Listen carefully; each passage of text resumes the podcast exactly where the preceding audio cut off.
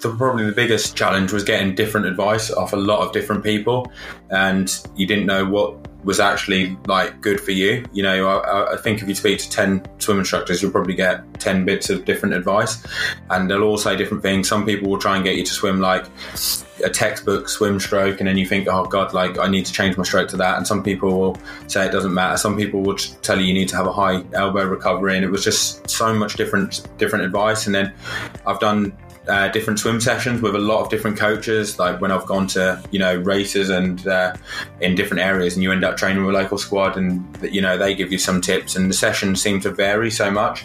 But what I, I think seemed to work for me was when I got um, into doing your swim sessions because they seemed more individual and like they were more focused on on your actual ability at the time. So you do the testing and then you get like the target CSS paces, and I could relate to that because it seemed to me the equivalent of what you do on the bike. You know, when you you do an FTP test and then you train at like 90% of FTP or, you know, VO2 max 110%. And yeah. the same with the running. So I could kind of get my head around that. And then I started getting the, the improvements. And also I did some video analysis with um, Seamus back home. Yes, and um, one of um, our swim smooth coaches. Yeah. yeah. And it was good because they try and work with your stroke rather than change it. Whereas when I'd done the video analysis before people, they tried to change it to like what was a textbook stroke. And I guess like, depending on what your flexibility is like um, and all the kind of attributes what you've got as an individual, you might never be able to get that.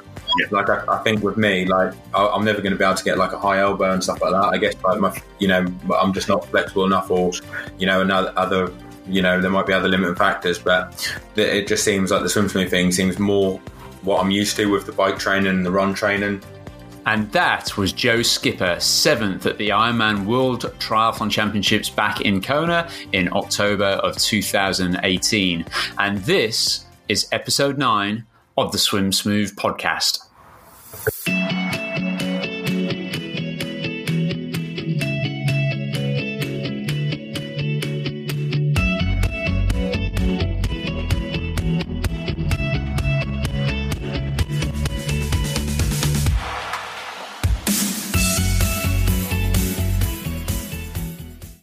Well, hello, listeners. My name is Paul Newsome. I'm head coach at Swim Smooth, and join me in today is Adam Young, my co-founder and uh, fellow coach. Adam, you're over there in the UK. How is it shaping up for you this week? Morning, Paul. Uh, yeah, good. Thanks. Yeah, busy as always in Swim Smooth World, and we've been talking a bit behind the scenes about some technology stuff, which uh, we're going to be announcing at some point in the future, which is uh, very exciting, keeping me busy. How's uh, everything with? Yeah. How's everything going coaching wise in Paul? Uh, in Perth? In Paul? I'm losing my mind. In, in Perth. Uh, yeah, things are going things are going good actually. Yeah, we've obviously had a uh, quite a busy couple of weeks. Myself and yourself there, Adam. Uh, like we say, talking about uh, some exciting developments that we're working on. We've obviously just released um, our next three three day coach education courses. The first one of which oh, is yes. coming up in Portland, in Oregon. I'm really excited about that one actually because that's going to be at the Nike World HQ. So Nike have asked us to go there, or Nike have asked to go us to go there and set up a, a three day swim smooth coach education program. Quite a lot of their uh, staff there are actually trained by a couple of our coaches based in Portland. We've got Gretchen and uh, and Chris over there. Chris is coming over to Perth in uh, in just a couple of weeks' time to finish off his certification. So we're going to run our next three day coach education course over there in Portland. I'm super excited about that. Being a big fan of Nike, and if you've never read Shoe Dog uh, by Phil Knight, um, I don't know if you've read that yet, Adam. Have you? Or I have. Yeah, yeah. No, it's it's excellent, isn't it? Such an insight into the uh, the trials and tribulations of starting a company. Yeah it's fascinating. Definitely, which we can all, uh, I think, attest to for sure. You know, yeah. so if you're looking for a little bit of reading this week, uh, definitely download uh, Shoe Dog by Phil Knight. It will it will ro- blow your mind and rock your world, or at least uh, give you some insight into what it's like uh, setting up a, uh, a business and, and, these things. So that's going to be our first course. Our second one, which we've got earmarked at the moment, is Sydney from the 11th to the 13th of April. Um, uptake on that one's a little bit on the slow side, interestingly enough. Come on, Australia behind that. Yes, absolutely. Come on, Australia, we interesting enough, both um, the first and the third course, we've actually been oversubscribed with coaches signing up. Our Mallorca course is has been inundated, mm. and that's not until later on in the year. That's uh, the 23rd to the 25th of May, um, uh, coupling onto the back of the Best Fest in uh, in Colonia Sant Jordi. So if you've never been out for that one, that's a, uh, a week of open water swimming races back to back to back. We've uh, for the last couple of years we've been running a three day coach education course leading into that, and, and that one's been absolutely inundated, oversubscribed. Our course though in Sydney has, uh, has yeah been less than so, Adam.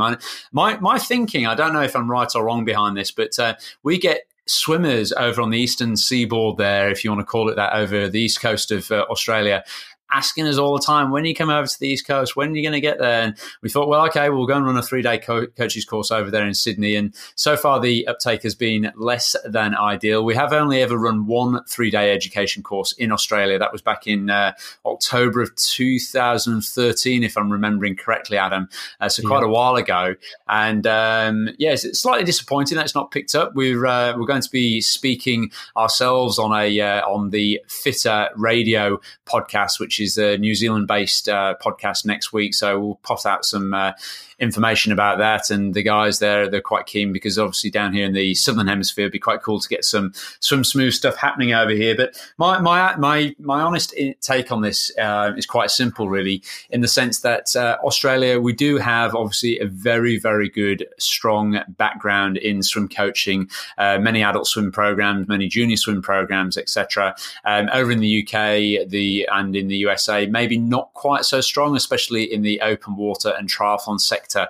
So in those two areas, we we're finding that, uh, that, the demand for our courses over there very very strong indeed. Uh, maybe over on the east coast of Australia, whilst the swimmers want us to be over there, um, we're calling upon you coaches to uh, to get behind this. If you want to learn a little bit more about Swim Smooth and what it is that we do, the stroke correction, the identification of stroke faults, how to do the video analysis, how to run successful squad sessions, how to then implement it with real live swimmers on day three, definitely make sure you're registered. Uh, go to the swim swimsmooth.com uh, forward slash coaches, and that should take you there um, to allow you to actually sign up for that particular course or rec- you know certainly uh, express your interest in applying for the for the course there. But uh, yeah, we've got a pretty full full packed uh, schedule for the first part of uh, 2019. I'm I'm super pumped, and just going back to what you've uh, just been asking there, Adam, about the about the squad. How's that going? Well, yeah, it's it's pretty pretty. It's been pumping actually since we started back. We started back on the second of of January, which is the last time we posted out our podcast. That podcast was with uh, Professor Greg White, and that's been very, very well received. Last couple of weeks been very, very busy, just getting the squad back on track and uh, getting things moving forward. So, um, I wanted to share actually one of the things that I have been working specifically with with our swimmers uh, or some of our one to one swimmers this week, and that is the notion of using a parachute uh, for doing some of your training, some of your swim training. Now, hear me out on this one. A parachute is, as it sounds, something that you'd actually tie around your waist and swim, um, not necessarily on the spot because you should have enough uh, enough propel, uh, propulsion to actually generate some forward motion, but you'll definitely be held back and slowed down. Many people think they're actually building up strength and endurance when they're using one of these parachutes, and companies like Finis make some really, really good ones. That's F I N S um, uh, F I N sorry F I N I S uh, I N C dot com. Uh, they sell these uh, parachutes, but you can equally maybe even make your own. And uh, you know we have a, uh, a, DIY store over here in Australia called Bunnings. Uh, you could go and get yourself a little bit of webbing, something to actually fit around your waist to create a, um, a uh, maybe a cable or a, bit of cord that would actually stretch maybe uh, to extend maybe two meters out behind you with uh, some sort of small uh, material based uh, parachute. And the one which I'm using over here, which somebody gave me billions of years ago, it's probably, uh, I'd say definitely a no name brand, but um, somebody gave me millions of years ago. It's, it's a great little parachute. The, the, the actual package itself the thing that actually slows you down isn't particularly big. Um, and the whole concept of utilizing this parachute to show you how to improve your efficiency in the water is to look and identify dead spots. And it's very, very easy to do that. Here's how you do it. If you've never swum with a parachute before, you might try to do this without um, whilst your legs are still free. But what I'd encourage you to do is to have a go with a parachute with a pull buoy between your legs. You might even want to pop a band around your ankles as well. So the only way you're actually generating any sort of propulsion is what you're doing with your arms at the front end of the stroke. And if you've been following Swim Smooth for a while, you'll know that we've got one of our swim types, which we call the overglider. So many people have been born out this idea that you've got to try to make your stroke as effortless as you possibly can. You've got to try to swim down the pool with as few strokes as you possibly can in the so-called method of trying to make yourself as efficient as possible. But as we know, Adam, don't we? Pausing too long out in front of the head is just not econ- economical at all. You end up slowing down and uh, and losing uh, losing efficiency by adding these dead spots. Isn't that right? Totally, yeah. You've got to reaccelerate on the next stroke, which is not good. Also, if you want to get really geeky, you end up accelerating, decelerating. And because drag isn't linear, it's actually the square of speed when you hit those higher peak speeds, your average drag goes up. So there's a bit of complicated maths behind it. But uh, the two things, acceleration, deceleration, and the fact that your average speed varies so much through the stroke cycle actually adds more drag on average all by itself. So much better to swim with a more continuous stroke, moving from one to the other consistently. Totally, totally. So the concept then of using this uh, parachute and how it can help you with your swimming is to make sure that once you've got the cable extended out behind you, it is going to create drag. It'll create drag uh, for Michael Phelps, just like it create drag for yourself. So it's going to slow you down. That's something that you need to uh, need to expect, of course. But when you're working with this, what you're looking for is a very even, consistent amount of drag.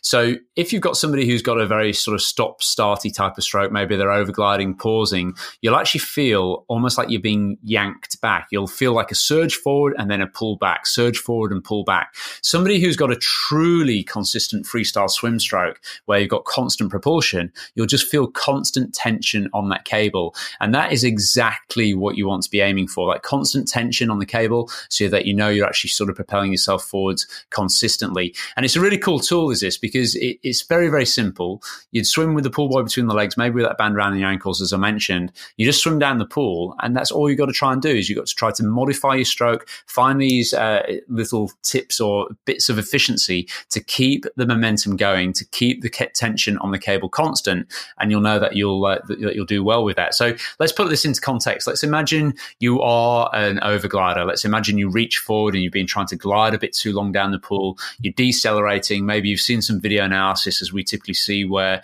I was working with a, a, a young guy today who's a brilliant swimmer, um, but when he swims steadily, which he does for maybe 80, 90% of his training sessions, he's got into this habit of almost sort of doing like a catch up style of stroke. So he, I classify him more as a smooth Adam rather than a pure overglider, but he's got into this mm-hmm. habit of, uh, you know, swimming with this sort of catch up style of stroke. And without being aware of it, underneath the water, as he reaches forwards, his fingertips drift up towards the surface. And clearly, for around about in his stroke, 0.8 of a second, the palm of the hand is facing wow. away from him, pushing water away from him, which is obviously pushing him backwards. And I said to him very simply today is that, you know, when you spend most of your training 80, 80 90% of your training swimming at paces below race speed, then if you're actually sort of encouraging that poor form or poor technique, you know, you're just building up the muscle memory for something which is actually not helping you at all.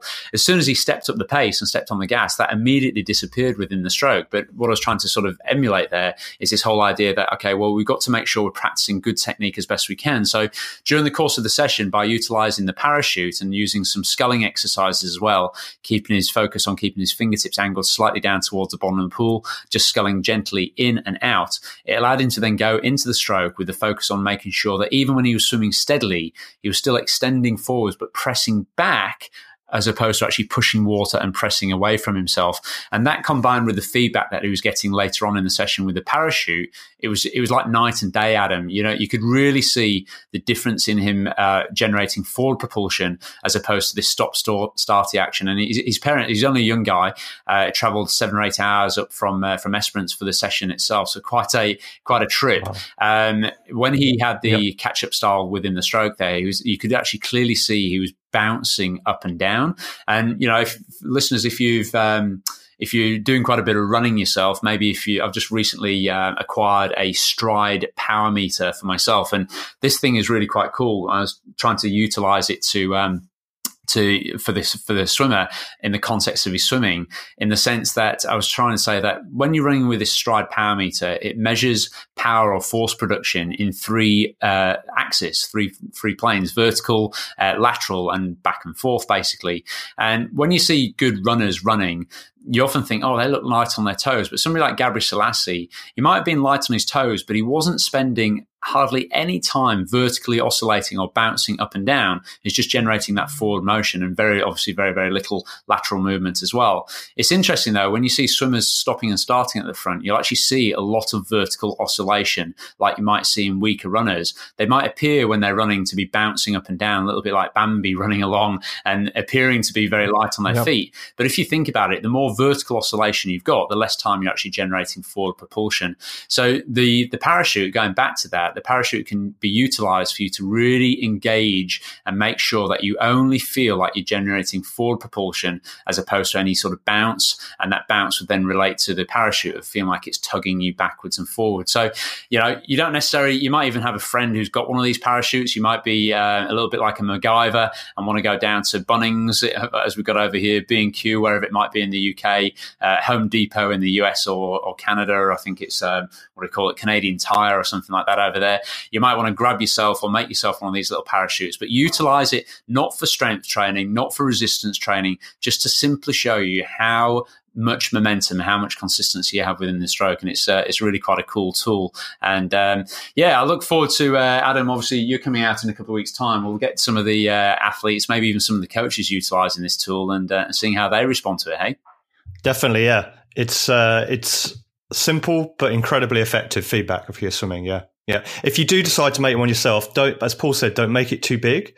Uh, I think maybe sort of the, the, width of a soccer ball, 25 centimeters, 10 inches, something like that is plenty. That's plenty of drag. It doesn't have to be a big thing like you might have, you know, like people jump out of planes with or anything like that. Quite a small parachute behind you. Yeah. Definitely, definitely. And I, you know, I was looking back at some uh, old research, and this is very, very old indeed. 1968, Doc Counsilman's book, Doc book, uh, "The Science of Swimming." There was looking at the difference between uh, a continuous stroke versus a gliding stroke. So we're talking about 50 odd years ago here, 51 years ago, and you may have heard us talking about this on the uh, on our our blog, feelforthewater.com in the past. But um, it's really interesting as this chart because he uses waves and uh, waves to actually show force production within a, a, continuous stroke, which would be an elite swimmer's stroke or somebody who is generating that constant propulsion, versus somebody who thinks they're trying to develop this efficient stroke, this gliding stroke where they're stopping and starting.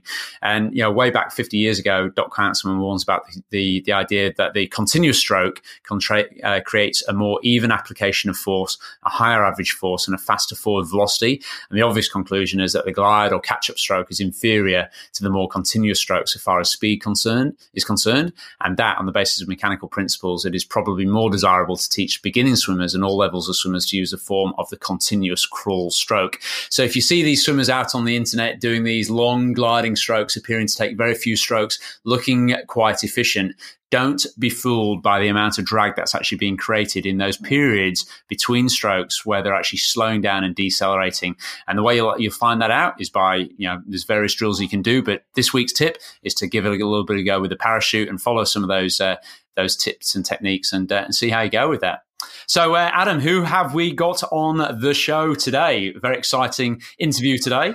Definitely, yeah. We've got pro triathlete Joe Skipper traveling all the way over from the UK. He's actually with you in Perth at the minute, isn't he? Training in the squad. That's correct. Yeah, he's been over here since uh, mid December, so he's been training with us now for around about four weeks. So I look forward to uh, updating your listeners on how some of his training is going, both in the pool and Joe's going to talk a little bit about his bike and run training as well. You know, the really interesting thing about getting Joe on the show is we, have been I've been spending quite a lot of time with him, and uh, he wanted to come over here to improve his efficiency uh, with swimming. But having already posted 50 minutes at uh, Hawaii Ironman World Championships in Kona back in October 2018, when we did our first video session, I said to him, "Look, mate." I don't really care what your stroke looks like, okay? Because anybody who can swim 50 minutes in Kona and be out there with the lead pack has to be doing more right than wrong. Because he almost had like a bit of a, a negative um, sensation about his swimming in the sense that, well, you know, everyone says it looks a little bit like I'm hacking up and down the pool. It doesn't look particularly smooth, etc. But as we talk about a lot here within Swim Smooth, it doesn't necessarily have to look pretty to be efficient. A lot of people get blinded by aesthetics, especially when you see, you know, a little clip popping up on Instagram of somebody swimming with that beautiful, long looking, smooth stroke. Joe doesn't look anything like that. And he wouldn't be the first to say, yeah, I wouldn't mind me saying that and wouldn't be the first, I wouldn't be the first person to say that, but it must be effective to some extent. But he's come over here to Perth to see how he can make some even further refinements and further, tune-ups, etc. So it's going to be great to uh, to have a bit of a chin wag with him and uh, and show you uh, show you what he's been uh, been working on over here. Um, Joe's got a lot of insight into training with uh, various gadgets and gizmos, etc. But you know, I think one of the biggest take-home points, which hopefully will come across in the interview, was I was super impressed last Wednesday when I knew how hard his training sessions had been on Tuesday because I did a couple of them with with him and I was absolutely smashed. And uh, on Wednesday he turned up for our CSS development session and you could just see he wasn't feeling that great. And you know, just after the warm up, he got out and just said, "Look, this is it. I'm not feeling I'm not feeling it today. I'm I'm going to get out." And a few people were like, "Oh my god, Joe Skipper, seventh at Kona, he's getting out of the water. What can be wrong?" But he just knows how to listen to his body, Adam. He gets out there. There's no ego about it. It's like, no, I've, I've checked my numbers. I've checked how I'm feeling, cross-referenced them, and, and this is it. I know exactly what I need, and I'm getting out. And, you know, for somebody who's only been in the sport for eight years to, to come seventh at Kona, it's just, it's just incredible. And, uh, you know, this is going to be quite a, a raw uh, interview with Joe in the sense that, you know, he's just going to divulge his information. He doesn't, he's not one of these guys who's cagey about his results and, uh, and his training. He's going to give you the full detail, the full lowdown. And, you know, if you're aspiring, if you maybe only been in a sport for a short period of time, I think you're going to get a lot from listening to uh, to this interview. So, without further ado, Adam, shall we uh, get into it? Shall we get on with uh, with Joe Skipper? Definitely. Let's play the tape. Let's rock and roll. Here we go.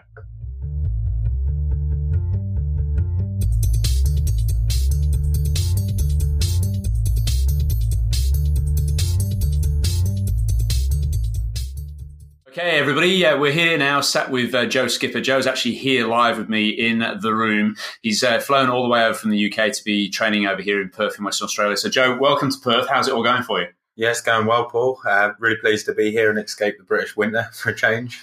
How's training shaping up at the moment? Uh, brilliant. Like, yeah, the swimming's going really well. Obviously, training with you guys and uh, I've met the local running club front runners, been training with them, and uh, that's been really good. Had a lot of people to to push me, and the uh, sessions are great. And uh, yeah, the cycling's pretty good as well. So it's it's all going really well. Brilliant, brilliant. You mentioned with uh, with front runners there that um, just the other day, in fact, you actually got dropped, dare I say it, during one of the run sessions. So they're obviously running at a pretty high caliber, pretty high level. Those guys. Yeah, they're really good. Um, the, the top guy in uh, the sessions, Nick, is a 63 minute half marathoner.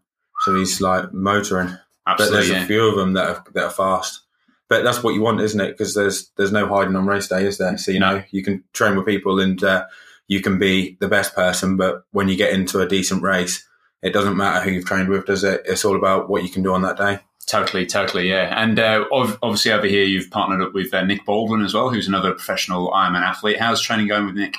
It's really good actually. Um, training with Nick, like I, the last time I remember training with him was probably back in 2013, maybe two. Yeah, yeah, it was 2013, and he came and stayed at my mum and dad's guest house in Lowestoft, and I remember we did some like swim, bike, and running, and uh, running back then for him was probably one of his weakest, I think, and. Uh, now coming out here and he's focusing on a marathon in July, he's absolutely flying, and uh, yeah, he's, he's he's definitely giving me a hard time because I'm struggling to keep up with him now, and I think he's only been trying only training specifically for the run for about the last six seven weeks, but he's he's really going well. Wow, wow! Uh, Nick actually swims with the squad here in uh, in Perth as well, and so does his uh, partner Kate, and um, obviously both brilliant athletes. Tell us a little bit about the park run that you paced him through just the uh, just the other week, the five k park run.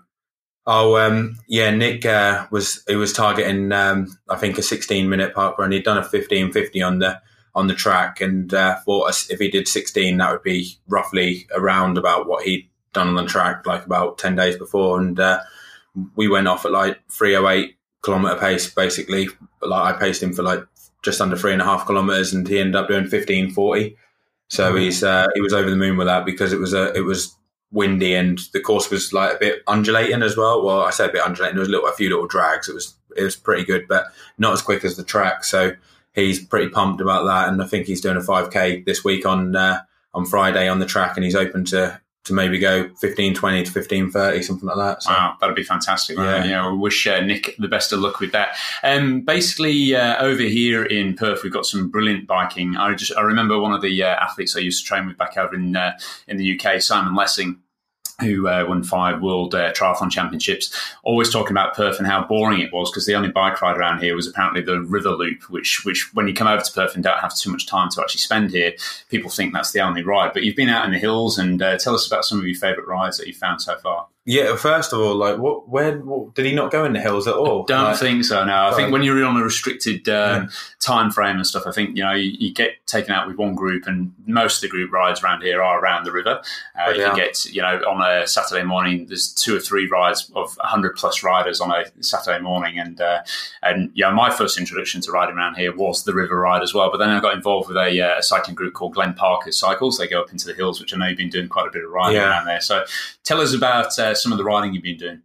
Yeah, so I've been doing my long rides in the hills out here, and I think they're about three to four kilometers long, uh, a few of them, and they're around. They gain about two to three hundred meters of elevation, so they're they're pretty decent decent climbs. And uh, on the Saturdays, I've been riding out into the hills and then just doing a few efforts and uh, stuff like that. You know, like pushing it tempo power up the hills or um, sometimes during the week as well i've done some threshold efforts up the hills so 10 12 minute efforts and uh, yeah, I find it brilliant. Like really good training. You know, you can you can do if you can do ten minute climbs, you can do quite a lot of stuff on there. You can always do like some VO2 max efforts and then ride back down, or you can do the threshold effort. So yeah, it's pretty. It's been pretty decent for me and a, a, a good mixed bag because you can ride, as you said, round the round the river loop and it's pretty flat, but it's stunning. And, or you can go in the hills and uh, get a really good session in.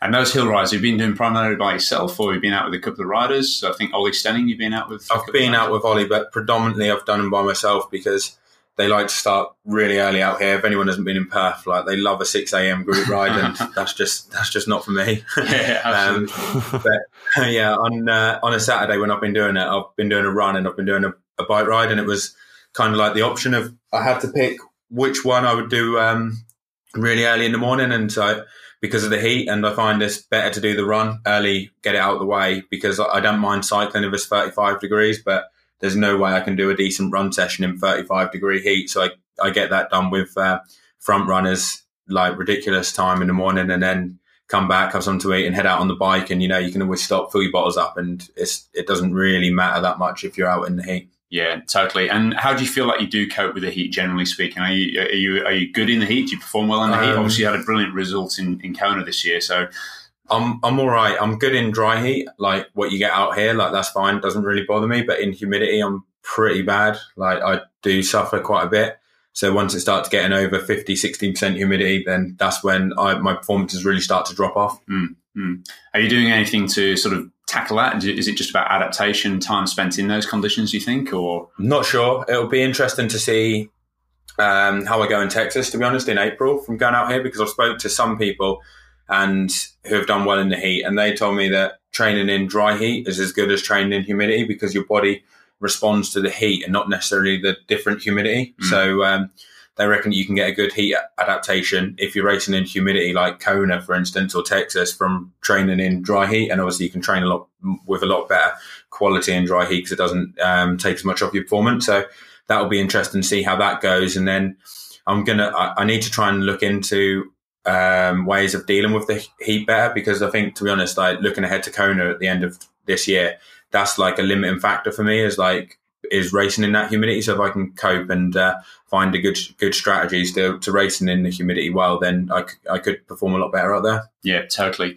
Okay, Joe. So tell us a little bit about. We, have been having this chat, obviously, we've been down on pool deck and sharing a few coffees and even dare I say a few dirty burgers after some of the uh, training sessions that we've been doing together. But uh, tell us a little bit about your background. We had a we had a chat, obviously, this whole idea that you know when you listen to into these podcasts and stuff, it's the same old thing. Everyone just wants to know the history of people, etc. To put it into context, but we want to delve down into the nitty gritty today of. Um, you know, some training philosophies, methodologies that you might be applying to your own training. We'll certainly have a chat about what's going on with the swimming side of things as well.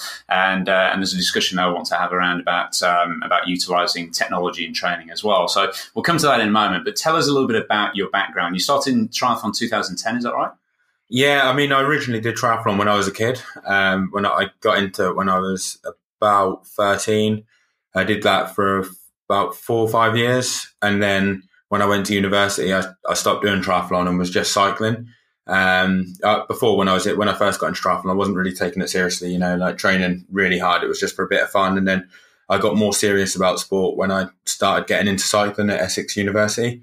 And then I, I transferred after my second year to Manchester and, uh, eventually, I think it was in two, yeah, like you say, in 2010, well, I did my first one right at the end of 2010. And I, I did that kind of on a whim, like, it was at the end of a cycling season, and I thought I'll give a triathlon a go. And what type of cycling were you doing? Were you, were you road racing or time trialing or um, a bit of both? Or main predominantly road racing okay. with a with a bit of like I do the odd time trials, but they were normally for like training. So you do mm. them on like road bike or you know something like that. And what type of races did you tend to excel on on the road racing circuit? So were you better on a lumpy course, flat course, um, short stages, long stages? A lumpy long course, so like 160. Like Kona, hey? Uh, probably yeah, a bit more, a bit hillier than that. Yeah. So, but nothing really steep. So it was like quite a lot of like say three, four percent climbs, basically ones that you can get like power climbs. Mm. So if they didn't suit the like the, the climbers, but they suited someone that could just hold a decent power, you know. So yeah, three, four, like anything about three, four percent, but 160 to 200 k's. Yep. Um, that would be like perfect. Just a one where it just really drains you, like, yeah, sure. where, and then it comes down to the end where you know, you might have a group of like 30 or 40 people and it's just like, yeah, just a tough course, one that just really wears you. The longer, the better, really, for me. Sure, sure. did, did, were you ever winning any of the sprints at the end of these races or was it just um, the sort of attrition races? Where- yeah, I've won like some sprints before in some of them. So I won like the divisional championships and I won a few other elite races like from small groups, but it would never be like a bunch kick. It would always be like, if it was a group of like, God, tops like 15, 10, 15 riders that come to the finish. And if it was like, an uphill sprint, that would normally that I would normally do all right in that. But if it was a flat sprint and it was like a bunch finish, then I wouldn't be. Uh, I wouldn't. That wouldn't suit me. Like sure. it would have to be uh, just a like almost like a hard man's finish where everyone's like shot at the end and it's just like you know yeah. where you can do a decent sprint, but you don't have to be like a pure sprinter. Totally, totally cool. So then 2010 rolls around, you get into your first triathlon. How how does that? What, what prompted you to get into triathlon? Um, I just fancied doing something a bit different at the end of the season. Um, I, I, think I was getting a bit fed up with cycling because the guys who I was training with at, at, up in Manchester kind of all like the group split up a bit. So it was you were doing a lot of it by yourself, and I found it was getting a bit boring, you know, a bit monotonous doing the same thing day in day out. So I kind of looked for a, a bit of a challenge at the end of 2010. Saw a triathlon decided to do it and then um, really enjoyed it. And then I looked into like Manchester Triathlon Club and got into training with them throughout the 2010 season.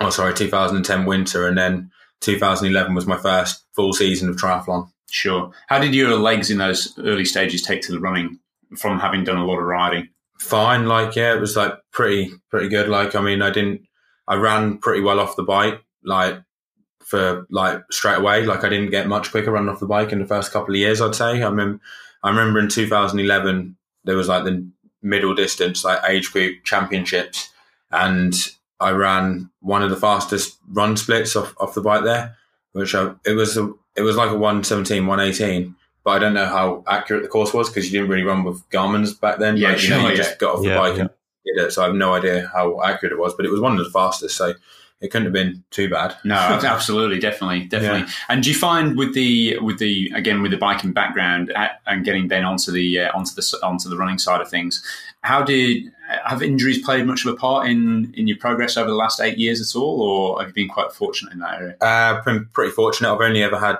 two injuries which come to mind, and I think one of them was an Achilles injury in probably 2011.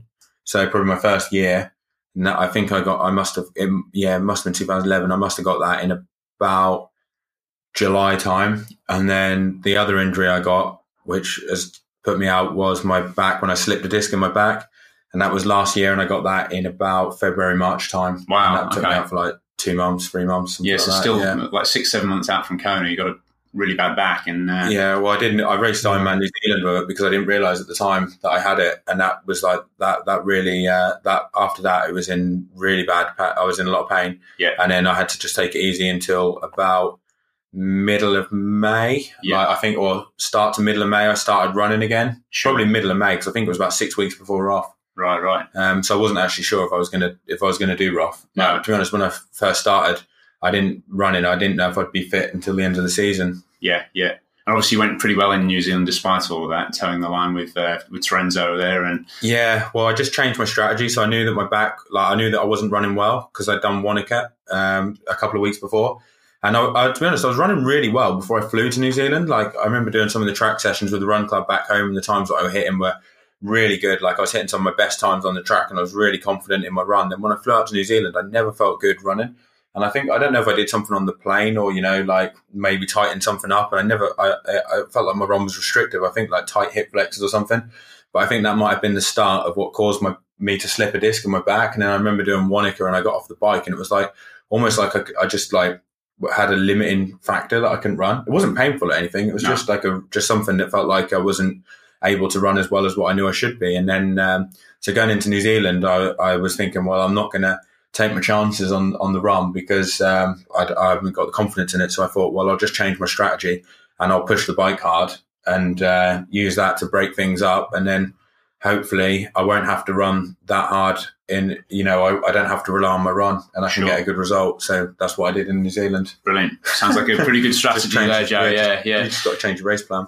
Totally, totally, and that obviously that's what good racing is uh, is all about, right? And um, so when you obviously just still thinking back really to 2010, 2011, you're getting into the swimming side of things. Did you have any swimming background whatsoever getting into triathlon? Um, yeah, just when I was doing it as a as a kid, so a little bit, but nothing serious. You know, I was only swimming like two, three times a week when I was uh, when I was when I was younger. So, and it wasn't at like a really high level. So sure. I'd done it, but not like to a good level. And what, yeah. what have some of the challenges been that you faced in the last eight years with your swimming, and where do you see it going at this point in time? Um, no, like the, the, probably the biggest um, challenge was getting different advice off a lot of different people, and you didn't know what was actually like good for you. You know, I, I think if you speak to ten swim instructors, you'll probably get ten bits of different advice, and they'll all say different things. Some people will try and get you to swim like a textbook swim stroke and then you think oh god like i need to change my stroke to that. And some people will say it doesn't matter. Some people will tell you you need to have a high elbow recovery and it was just so much different different advice. And then i've done uh, different swim sessions with a lot of different coaches. Like when i've gone to you know races and uh, in different areas and you end up training with a local squad and you know they give you some tips and the sessions seem to vary so much.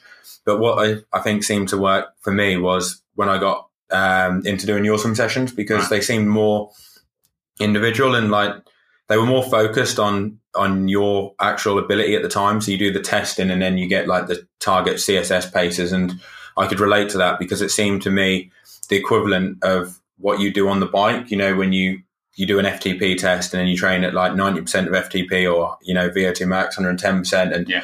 the same with the running. So I could kind of get my head around that. And then I started getting the, the improvements, and also I did some video analysis with um, Seamus back home. Yes, and um, one of um, our swim smooth coaches. Yeah. yeah, and it was good because they try and work with your stroke rather than change it. Whereas when I'd done the video analysis before people, they tried to change it to like what was a textbook stroke. And I guess like depending on what your flexibility is like um, and all the kind of attributes what you've got as an individual, you might never be able to get that.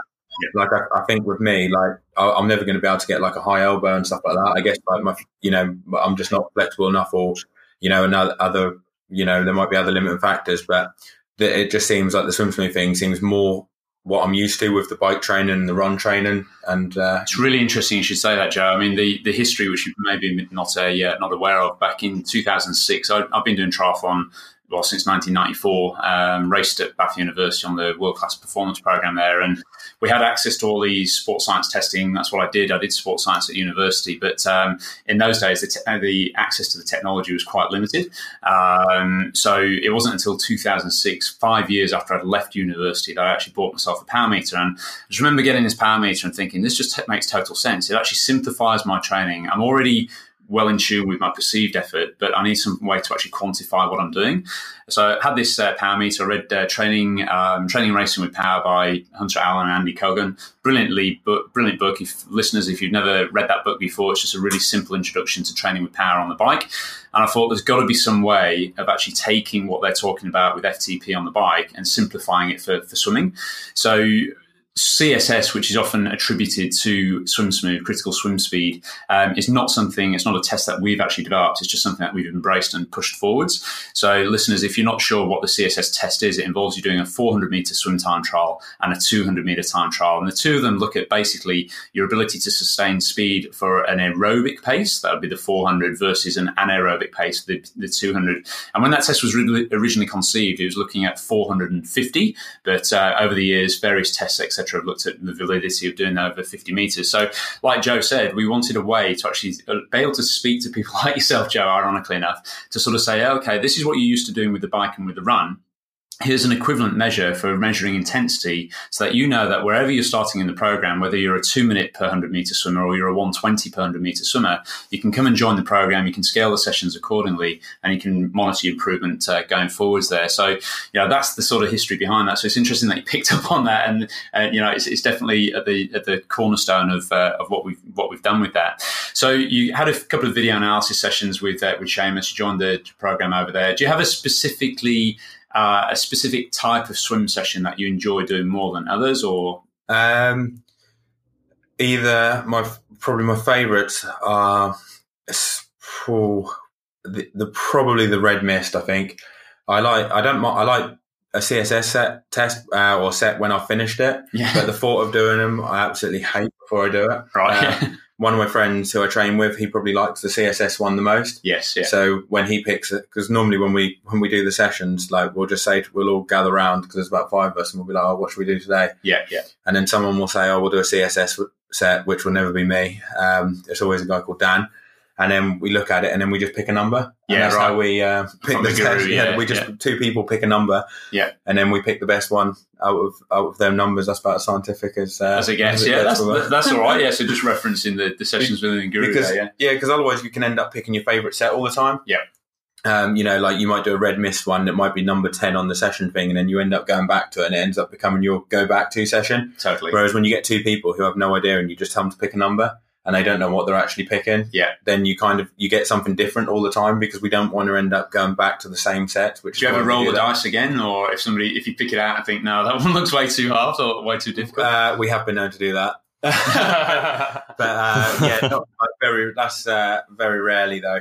But normally, to be honest, we don't normally do that. Like because we'll pick two, we'll pick two sets, and then we pick the best one between them. yeah, yeah. But um, it would normally be if, if we did something like that. It would normally be when we were planned on having an easier one, and there was like something in there that we didn't like, wh- wh- which wouldn't necessarily be that hard. But Sure, it might yeah. be like a lot of breathing every three, breathing every five. Yeah, yeah, yeah. As if we we've been see, doing. yeah, Yeah, if we see loads of like alternate breathing stuff, then we're like, oh no, we'll pick another one. yeah, right, right. Uh, and we'll, we'll maybe dig into that in uh, in just a moment with respect to the stroke technique work we've been working on. But um, maybe note to self there, Adam, that uh, we need a roll the dice function uh, within the Guru Yeah. there to create a. Um, um, you know, obviously a, a random session generator basically to stop people just picking their favourites and always sticking with that one. What do you reckon, Adam? Yeah, definitely. Maybe we need like two, two or three buttons. Give me a hard session. Give me a steady session. Give me an easy session. That would be like a that. Really good think? idea because that's what we normally say to each other. When Mm. we're there, we're like, "Oh, what should we do? Should we do? Who's up for a hard session?" And then we'll say, "Yeah, yeah, we're up for a hard one." Then we'll be like, "Oh, CSS or Red Mist," Yeah, yeah, and then that, and then that's how we do it. And then we pick a number. So it'd be good to have just like a hard session, and then just it telling you, you know, what you're going to do. sure. So Uh, for the benefit of the, for the benefit of the listeners there, um, just to give an example of a CSS session versus a Red Mist endurance session, the two classics that I like to use are our Goldilocks set for CSS and then our classic Red Mist session, the 10400s. Now, it, you might be quite interested to know, Joe obviously started talking there about his biking background and where he's strong on the bike, but that same physiology that gets him strong on the bike is all the same stuff which actually makes you strong and enjoy the type of sessions that you do within the pool as well. So, for example, a CSS development session, something like the Goldilocks set, involves up to 2, 2K, 2.1K. I'll give you the Goldilocks set here, which is four 100s at threshold pace, followed by a 200, that's the baby bear, then four 100s, followed by a 300, that's the mama bear, and then four 100s followed by a 400. So if you do that little test that we mentioned beforehand, 400 and a 200 time trial, so you'd have a warm up, maybe about 800 meters, you do a few little pickups, you do your 400 meter time trial. Ideally, you'd pace it out perfectly well. We'll chat about that with respect to Joe's swimming in a second. You'd pace it out really well, and you'd have around about five to eight minutes of easy swimming, easy active recovery before you do the 200 meter time trial. That result, let's say for argument's sake, it gives you a result of one minute 30 per 100 when it comes time to doing the Goldilocks set, the Goldilocks set is typically uh, set at exactly CSS pace. Now, 130 per 100 meters, when you've got 15, 20 seconds rest between the hundreds, is not too challenging. And it actually teaches you to pace yourself out correctly, which is all important, even for a, an Olympic distance athlete. So you do your four 100s and then you test yourself doing the same speed over 200 and suddenly the set becomes a little bit harder. You then do another four 100s followed by a 300 and suddenly you think, oh, I'm actually working a bit now. You do four 100s and then if you've gone off too quick, the final 400 meters is very, very challenging to hit. And that's why Joe's saying, you know, it's one of those sets where we've got to be really mentally up for it. But it's interesting that you say that, Joe, because most people would say, I would imagine that they'd actually prefer a CSS set over a red mist because the red mist endurance yeah. session it's just a long, dragged out. Adam you used to call it like just a slog of a session, didn't you? Basically, four and a half, five yeah. days, basically. That's why I think they're all right because it's just a slog. Yeah, and it's not that bad. It's like hard. If you're on a good day, a red mist one, you can kind of like do it, and it, you know, it just feels like a slog. Whereas I find the CSS ones are just painful, aren't they? Yes, absolutely. Like, yeah. they, they, always hurt, don't they? No matter how good you feel. That's exactly like, right. and just to give some uh, feedback on how Joe's been going with that. So Joe's been attending, our, and we'll dig into this in a second, our 9.30 a.m. sessions on a Monday, Wednesday and Friday. And usually I'll couple up with him two or three times per week as well. Um, we've been doing a couple of sessions together, primarily the classic 10 400s uh, session, which is the other red mist set. I'll just go through that in a second. And, uh, and also this 2K swim every other day, which is also an aerobic development set. So Joe's strength on the biking is very much in that sort of aerobic endurance ability. And it's also very much the case when he's swimming as well. So the 10 400 set sees you swimming at slower than threshold pace. You do four 400s at CSS plus six, which actually feels like it's holding you back at the start. Ideally, you do that without a specific warm up. And the idea there is to challenge you to sort of get in, get straight onto it on the odd chance, or usually on the off chance that you end up at a race where you don't have the ability to warm up properly. So we do 10, 4, 10 400s, first four at CSS plus six with around about 20 seconds rest between each one or one beat recovery. We then do three 400s at CSS plus five, two 400s at CSS plus four, and then the final 400 at CSS plus three. Now, we've done this twice together. Uh, the first time, Joe, we were swimming in parallel, side by side, if you remember. And um, I think we got up to number seven, and you decided to jump across the lane and jump on my feet for the last three. But interestingly enough, Joe's development, even over the, over the past of just two weeks or so, we then did the next set where you started on my feet. And by the time we got onto numbers eight, nine, and 10, it was very obvious that I was starting to blow up myself. And uh, Joe came sprinting past me in the final uh, 150 meters of that final. Uh, finally, you remember that one, the final, the 10th 400 meters there. So it sort of shows that you've got that ability to sort of, you know, to, to deal with that sort of long, monotonous drag out and, uh, and be able to come through strongly. And obviously, that's what determines usually good performance over Ironman's distance. Yeah. I, I think it depends on your fitness as well as to what you do. Because when I first started swimming here, after not doing much training for a while, I think I would have picked the CSS set. Yeah. Because it would have just been easier. Whereas the red mist set when I wasn't fit felt absolutely terrible because yeah. I just wasn't fit enough to hold like my technique, I guess, and keep going. So even That's though right. we were swimming at CSS plus three, CSS plus four, I was I was really struggling to even hit that, and yeah. it was just an absolute nightmare. It felt like every rep was really hard. But I think they just get you really fit. Totally. That when you the more you do them, the easier they become. Yes, absolutely. The uh, Joe's been doing the uh, CSS development session with the squad at nine thirty on a Wednesday, and then typically I'll jump in straight after that. So he's already done about three and a half, four Ks at a good clip, and then we'll jump in, we'll swim parallel together and do a two K continuous swim. And it was really apparent to me, somebody who's who historically has not been very good with pacing. Uh, I popped this up on Instagram on our uh, at Swim Smooth feed a little while back looking at we are both tracking along with a, a Marlin, so we're actually measuring our laps per lap. And um, my classic thing is to go off way too quick, blow up and slow down. And even though I practice and preach this on every day, I'm only human and my natural instinct is to always go off a little bit too quick. And it was really interesting, Joe, pacing that 2K with you, that that's that very first one that we did, where we are swimming in parallel and it just gradually, just ever so slightly, just got a bit quicker over the course of the, the 2K. And we've definitely have done a negative split on that. It was, yeah. it was pretty good uh, swim. Can you remember that one? Or? Yeah, yeah, I can remember that, yeah. Yeah, yeah. So just tracking along side by side there. Okay, so let's have a little bit of a chat then about uh, about Kona. And uh, then we'll come around to this uh, discussion around about uh, technology and how you utilize technology and your views upon upon that within training. So Kona was obviously an amazing result for you, seventh at the Hawaii Ironman World Championships. We had uh, as our very first podcast guest, we had uh, my old friend Dan Plews from over in uh, over in New Zealand on the podcast. I was blown away by the fact that he went eight twenty four on that particular course. And Dan Dan is racing as an age grouper these days, but he's definitely had a very strong triathlon background over the last twenty five years. So to go eight twenty four in Kona. I was absolutely blown away. Joe, you went 19 minutes faster than that in Kona this year. Tell us a little bit about what it was like swimming, obviously with a 50 minute swim split, a 415 bike, and then a 254 marathon run. How, how did the day pan out for you? Um, the swim was really good for me because obviously I managed to swim with the main group, which was what I was hoping to. Um, I, I, I, thought I had a good chance of doing that because I did the practice swim the week before, and um, I, I I tried something different for, for it. Well, I didn't try anything different. I just tried what I was going to do for the race day. So yep. I had my swim skin on, but then underneath I had, um, because I was planning on wearing a two piece for um, the race, I had my cycle top on underneath right. the swim skin, but with the zip open. Yeah. Because I wanted to see whether or not, like, because if I did the zip up, it was quite tight and right, a bit yeah. restrictive. Um, but obviously that makes it more aero for the bike, but it makes it harder to swim in. So I thought, well, I want to practice swimming with the zip open yeah. and see how it feels and whether or not it slows me down. And I started off on that practice swim and I remember being in the lead group for about, must have been a good five, 600 meters. And then on the sides as I was swimming, the cycle top started coming out more right. and more. And it was literally like a parachute on me.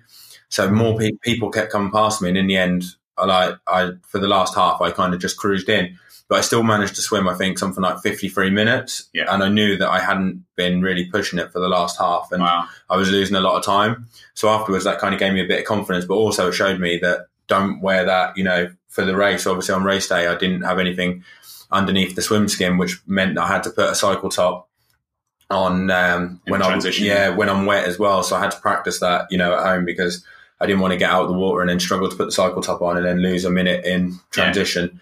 So um, that was just the aim of that. But I, I, got a lot of confidence from that practice swim, even though obviously I, I, didn't end up having a good swim, but it showed me that I was with them for a, for a decent portion of time at the start yeah. of the race. So we're in the race.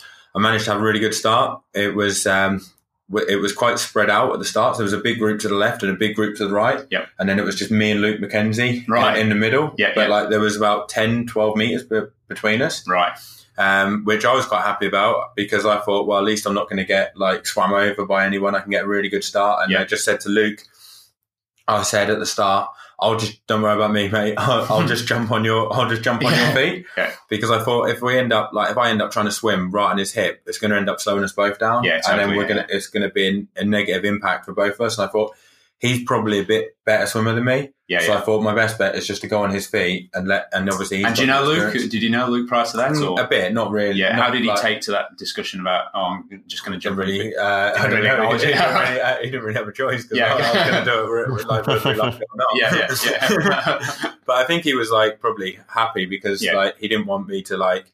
He wouldn't, yeah, he wouldn't have wanted me to swim on his hip because if he'd have missed the pack, he would have been re- like pissed off. So that, he was probably quite happy that he was going to have a hassle-free start to the swim, Yeah. and then and you know could concentrate on his own swim. Sure. But it worked really well because he got a good start and then literally just took like I just stayed with him and then the groups kind of converged and I could tell we were doing all right because I could see the like that there wasn't a bit of a gap, Mm. you know, like and Yeah, it yeah. seemed like I was with a lot of people Right. and it just stayed I just stayed in it and then around halfway because I tried a few times to move up because Yes, I yeah. was I could tell I was probably towards the back of that group just okay. because of how many people it seemed like were in front of me.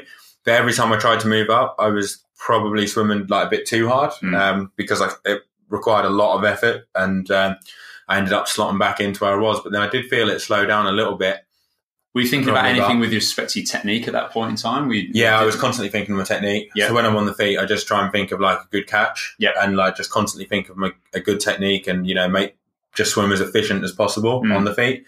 But I was also making sure I didn't like let a gap go. And like I was, I'd done a swim, I think in Roth earlier that year. Yeah. And I was on the feet and I was in the lead group and then someone let a gap go Ah, and yeah. I couldn't bridge across because obviously then I have to start swimming quicker than the person who's pulling the front pack. Yeah, sure. It's like cycling, I guess, when, you know, if a split goes at the front in, in the crosswinds, Yeah, yeah, if you're trying to bridge the gap, you then have to put out more power than the person who's driving it at the front, don't you? definitely. Yeah, So I was kind of like every so often trying to like have a look up and make sure there wasn't a split. Yeah. Um, Do you think your biking experience helps you in that respect? Yeah, To some extent? probably. Yeah. Which is why I was trying to move up because I knew that I was putting my fate at the at the hands of others, Yeah. being at the back, but I just couldn't. I couldn't really move up. I wasn't really fit enough. Yeah. Um. So I was like, oh god, like I hope it doesn't split. It did end up splitting in the end as well. Like a group's on fifty nine and our group's on fifty. Yeah, But sure. there's nothing I could do about that because I just wasn't fit enough. Um, Yeah. But I was making sure that if I did see, you know, someone who I was swimming with lose like a gap, like lose the feet of the person in front, then Yeah. I could quickly straight away jump, jump across, like you know, put a big effort in and jump across. Yeah, yeah, But it didn't. They didn't lose it, and then we I ended up getting out of the water in about fifty minutes, something. yeah. Um, right. But with all the with a lot of the guys who I would uh, wanted to be with, and then on the bike, I was literally like I came out of transition um, towards the back of that group because I, I had to put I put some socks on, like some training socks, because I just get really bad like hot spots in some of the Yeah. hard races on, on my feet. Um, Right. So it just helps with that, and it, it didn't really ta take any time, but it just meant that you know instead of being like maybe in the middle of that group, if I had to come out of transition, I was just I was towards the back. Which was a bit of a pain because in Kona they're really strict about overtaking. Yes, yeah. So if you want to overtake, if there's no, if there's not 12, more than twelve meters between people, you have to overtake like everyone until you get Right. more than a twelve meter gap. So all the way until pretty much bef- before the climb to Hawi, yes, I was yeah. right at the back of that pack, and it was quite frustrating because I wanted to to go faster, right. but I couldn't. And a few people on the way out, like around town, like I remember Andreas Dreitz, like moving up and putting a dig in, but it was like you're putting your, your fate at the hands of the marshals because they're so strict in Kona that yeah, yeah. if yeah. one of them sees you do it and you kind of slot into a gap and there's only say eight or nine meters, you're going to get a penalty. Sure. But I think because he hadn't raced there before, he didn't know how strict they were. Because normally Right. in another race they wouldn't do that, you know, because like he he wouldn't have had any intentions to draft and he just wanted to move up as quick as possible. But yeah, yeah, yeah. they're just real job swerves there. Totally. So I was like just sat at the back until I knew that on the climb to Hawi it would like split up because it always does.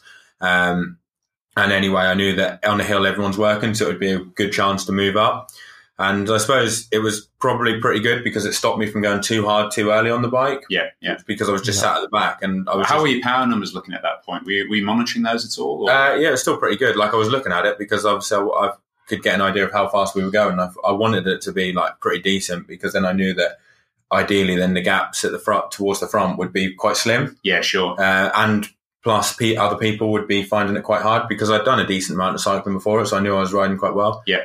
but I yeah, I, th- I think we got to the ten. My like, average at halfway was like two hundred eighty-eight, Wow. so Okay, it was like it was all, like pretty good. and you were weighing at 76 kilos? Yeah, right, probably about that. Yeah, Yeah, yeah, probably okay. about that. And then on the way back, we like yeah, it all started splitting up, and then I um I was I end up getting into the the, the front pack Yeah. because I yeah. think a few guys at the front got dropped uh, or ended up coming back, and some guys in the group that I was in, um, like got off the front, and it Sure, just yeah. formed like a group of probably about I don't know 13, 14 of us maybe, Yeah, right. um, and then yeah, getting into And are you feeling fairly confident at that stage? Are you are, are you sat, sat in there thinking, "This is it. I'm, I'm in this group. This is where I need to be," or, or are, are any nervousness, any sort of anxiety there? Um, I was thinking, like when we so for the last like 12, 13 miles, because I kind of got back, I got on, got got onto that group about thirteen miles to go. Yeah. Because I saw at the turn to Hawi there was a bit of a group off the front, and I was like, oh bloody hell, like they've got like three or four minutes. Yeah, yeah. bit annoying. Um, uh, but I wanted to, I would have liked to had a dig off the front, right. but then at that point it was like I, I was there at like twelve miles to go, and I Uh-huh. thought I'm best just taking as much nutrition in as possible. Conserve, yeah. And I'd just done a really hard effort with Matt Russell, like Right. that was like my like when I looked at my data on Training Peaks, my hardest hour was like or highest power output was like from the around the bottom or like halfway down the the, the descent, you know, Right. from Hawi to like where we caught that group. Yeah, And that was like okay. 300 watts, and Wow. that's in the heat of the day. Yeah, yeah. So we were work. I knew I was working like quite hard then. So I just wanted to get as much drink as possible. Sure, Uh, yeah. And I saw a few people go getting dropped.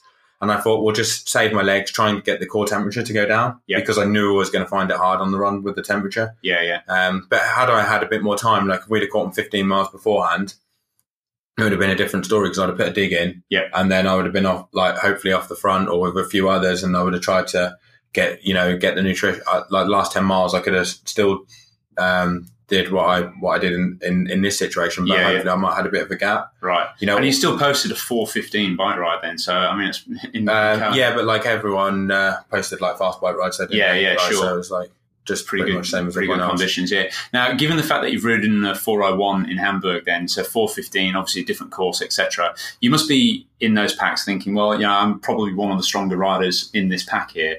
What? When do you start to think about the run? When you start to think, how much do I need to actually now conserve for the run? Is it in that tw- last 12 miles, like you said, in terms of getting nutrition on board, or is it always niggling away in the back of your head? No, I don't normally think about the run until I get onto it. Okay. Um, but like in Kona, I knew I'd been there twice before, and I found it hard in the heat.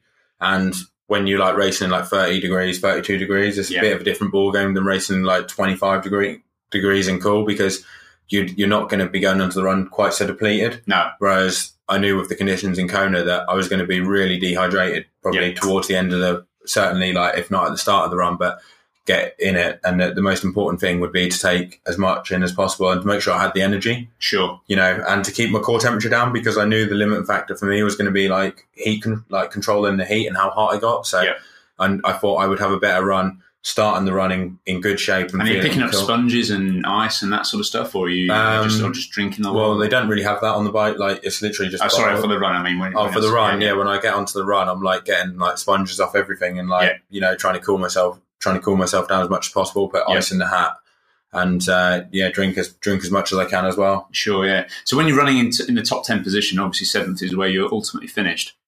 Are you checking things like you watch, looking at pacing? Are you thinking more about who's you who's racing around you, how somebody looks, etc.? What, what what's going through your head? On Um, I just well for the first bit on Ali'i Drive, I didn't want to overheat, so I kind of had to keep backing it off, backing it off because I thought I need to get to like 13 miles. so you've seen and- splits, thinking that's too quick. I need to back off. not really, like because the splits were never that quick. Like Right. I was always Okay. looking at it, like, and I never once thought like I was running quick. Okay. But I could just tell with how I felt. Yeah, like yeah. if I tried to push it off, push up, push on, I could just feel myself getting really hot. yeah. So yeah. I just had to like knock it back a bit, and then I ended up running with Matt Russell from about a mile left of Ali'i Drive, Yeah. up Palani, and then for a few miles along Palani, sure, yeah. and that felt quite hard. And like I knew Matt would probably run quite a sensible race, and I think he's quite good in the heat as well. Yeah, yeah. so I thought, yeah. well, I just need to try and stay with him, but he was running a bit too quick, and he, he dropped me. Right. And then through the energy lab, I, I, I ran, ended up running by myself. Yep. Um, I could see him in front, and then I could see how everyone else looked, and I could see people chasing me. And I thought a few people might catch me,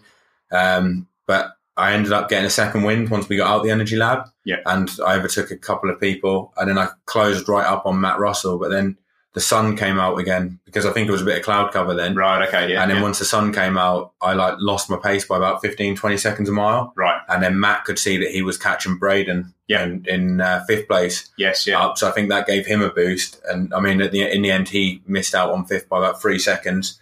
And I, um, I was about, um, God, a minute maybe behind him, but I got him down to about 15 seconds at one point again. Wow. Wow. So it was a bit of a battle, but um, people told me behind me there was no one as well. And once Right. he kind of got the second wind of trying to catch Braden, like I, he pulled right away from me, and I couldn't see anyone behind me. So I kind of just once I was down going down Palani, just cruised it. But Yeah. up until then, I was running like hard, like because I didn't dare look behind me. No, no, absolutely. So when, when you see those numbers maybe not stacking up on the bike or the run uh, like you want to, or on the converse side of that, if they're stacking up too high, how much attention are you paying to that at that point, and, and how much are you reading into how you're actually feeling? How, how, Um, how have you developed that sense of feel over time? Well, I just go by yeah, like you say, like perceived effort, and you kind of have an idea of what pace you think you can sustain bef- before the race, anyway.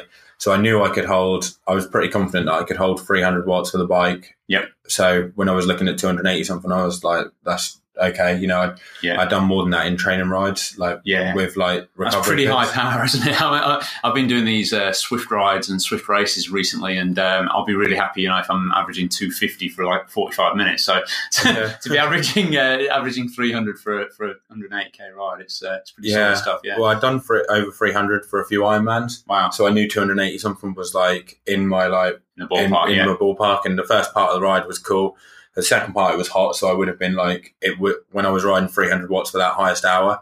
It would have probably been the equivalent of more if it had been nice, you know, say it was mm-hmm. 20 degrees or something like that. It would Yeah. have probably been like 315, maybe yeah. Wow. 320. So I knew it was pretty decent power, but Yeah. I knew because the first part was quite cool and it wa- and it felt easy that I was I was okay. Sure. And you just tell yourself, you know, you've done Ju- it before or you've done more.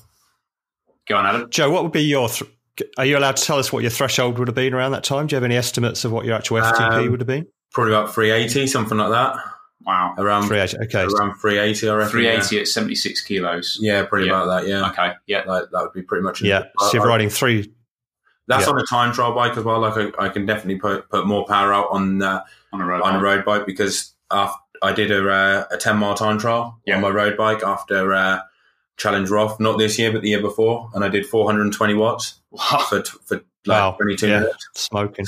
Yeah. Really. So, like, but that, that I can post better power on my road bike because I think the position's a lot more kinder, isn't it? You know, when you're on, on the, in the tuck on your time trial bars, yes, it's less. Oh, I yeah. think 3, Yeah. 380 from what I was looking at what I was doing in the, in the build up to, to Kona would have probably been a ballpark because I remember doing some training rides that were around like three hours and I was doing 30 minute efforts in them at like 350 something watts. Yeah. And by the time I got to the end Yeah. of the ride, my average was like 290 something, including Yeah, right. like the easy bits like Yeah. warming up, the recovery bits in between, and Sure. all that. So I think to ha- to be able to do rides like that, I must have been around 380, Yeah. Yeah. and looking yeah. at my heart rate as well from when I was doing the efforts. You know, You're around that. Yeah. yeah, Yeah. So that's- Yeah. So you're riding, you're riding about 75% of threshold in the Ironman, which is which is strong riding. Just for anyone out there who knows their threshold numbers and, and everything on the bike, whatever level you are, to actually ride at 75% is uh, you got to be really very fit, as obviously Joe is.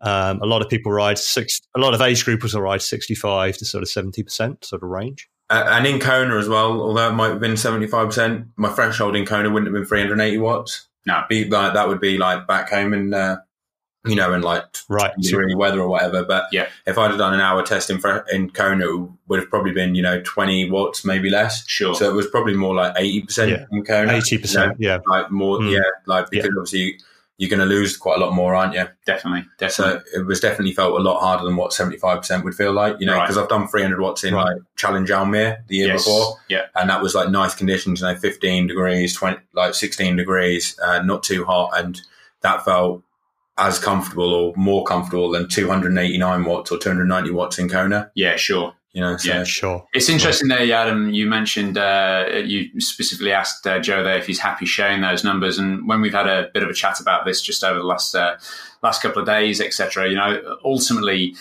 Most people do share this data, this information via things like Strava or Training Peaks these days, and uh, the information is out there. And Joe, we had that bit of a chat, didn't we, about the sense that um, with um, you know you can share. Sometimes people are very cagey about sharing their numbers because they think, oh, I can't give that away that information. But at the end of the day, you've still got to be able to produce these numbers. And just using my example there, you know, albeit at a very low, much much lower level than Joe on the bike, you know, I I, I might want to be able to do 300 watts for 180 kilometers, but I can do 250 for 45 minutes at this point in time. So it's um, you know it's about sort of utilizing that and um, you know. I, Thanks for thanks for sharing that, and we'll get a little bit more into the into the training side of things just now.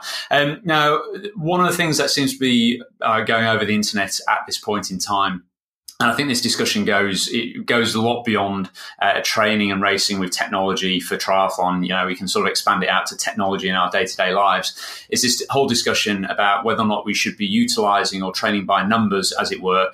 Do people get a little bit too reliant upon that? Do pe- could people benefit more from it? And just before I let Joe answer his perspective on that, because very much this is a perspective. You know, some people are very uh, dogmatic about you must use your numbers, you must do this. Or on the flip side of it, people are very dogmatic. No, throw away your power meter, throw away your Garmin. Let's get back to nature. Let's get back to reality, and uh, let's go with that. I, I've been very fortunate to be in the sport uh, for the last twenty five years, and and I've gone through various uh, philosophies and opinions on this myself with my own training. I remember getting into it. I was all pumped up to go to do sports and exercise science at Bath University, starting in 1997. At that point, you can imagine how enthused I would be about utilizing the technology available at that time to do testing, lactate testing. We're, we're going to do some lactate testing with yourself, proper uh, blood lactate analysis tomorrow, uh, Joe, once we're in the pool. Those are the sort of things I was doing at that point in time. I remember having heart rate monitors, training by heart rate, etc. But I think uh, the, the whole time I've ever been doing that, I would never say it's been exclusively relying upon the numbers. It's always then cross-referencing with, with feel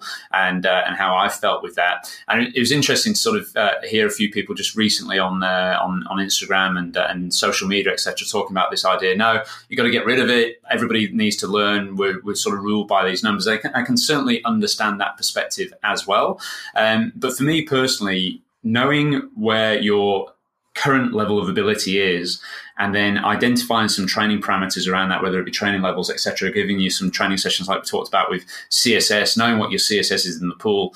I find it hugely motivating to know that what I'm doing is allowing me, I'm actually monitoring and tracking my progress over time. There's nothing worse, in my opinion, of actually just sort of following along blindly and then, you know, maybe turning up a race and being surprised that you're not hitting the times that you used to do. And I think specifically, I did the um, British Junior Triathlon Championships going way back to 1998 with Andy Blow, who's uh, been on the uh, chat with us here before as well. And we spent the entire summer just purely swimming in the open water because the whole idea that we thought was if we spend our time swimming in the open water for the entire summer, we'll become very specific at swimming well in the open water. What we didn't really understand and, and, and acknowledge at that point or recognize was the fact that all that training that we'd been doing at Bath University, where it was very structured, we'd had target pace, etc., suddenly went out the window, and we felt like we were training hard. Our perceived exertion was telling us that we we're training hard, but ultimately we ended up sort of going on a bit of a bit of a back burner with respect to intensity, and we probably weren't training at the levels that we thought.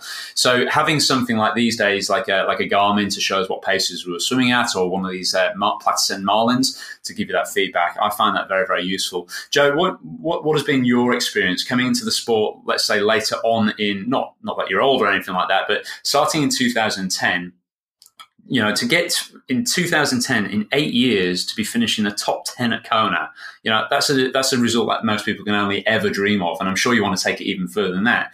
What's been your experience of getting into the sport, utilizing technology? What do you find works well? What doesn't work well? Tell us a little bit about that. Um, well, I'd personally say you want to you record the data for like every session you do. Well, I do anyway. You know, like I would say, it's good to get heart rate, good to you know record your power outputs or your times and everything like that. Not necessarily to rely on them in training. You know, you don't necessarily have to do everything where you're looking at a power meter and holding a set power, but you always want like some recollection of it and uh, to look back and see what what numbers you were holding and how you felt. Um, so you can see if the training's work been working. Um, for me, I've been using a power meter for as long as I can remember. I think in 2010, of like when I got into triathlon, I was using a power meter. Yeah. Um, at that point, I didn't have one on my uh, race bike. I think it was one of the power tap uh, oh, wheels. Wheels yeah, that yeah, was, yeah. and it was built in the hub, so it was just a cheap training wheel. So I didn't want to use it for racing, but I was always always using it for for, for training and what were your um, first insights about using it because obviously you, would had a quite a, a, good background with road racing up until that point. When you first you started using that power meter what was it telling you? Was it telling you anything you didn't know?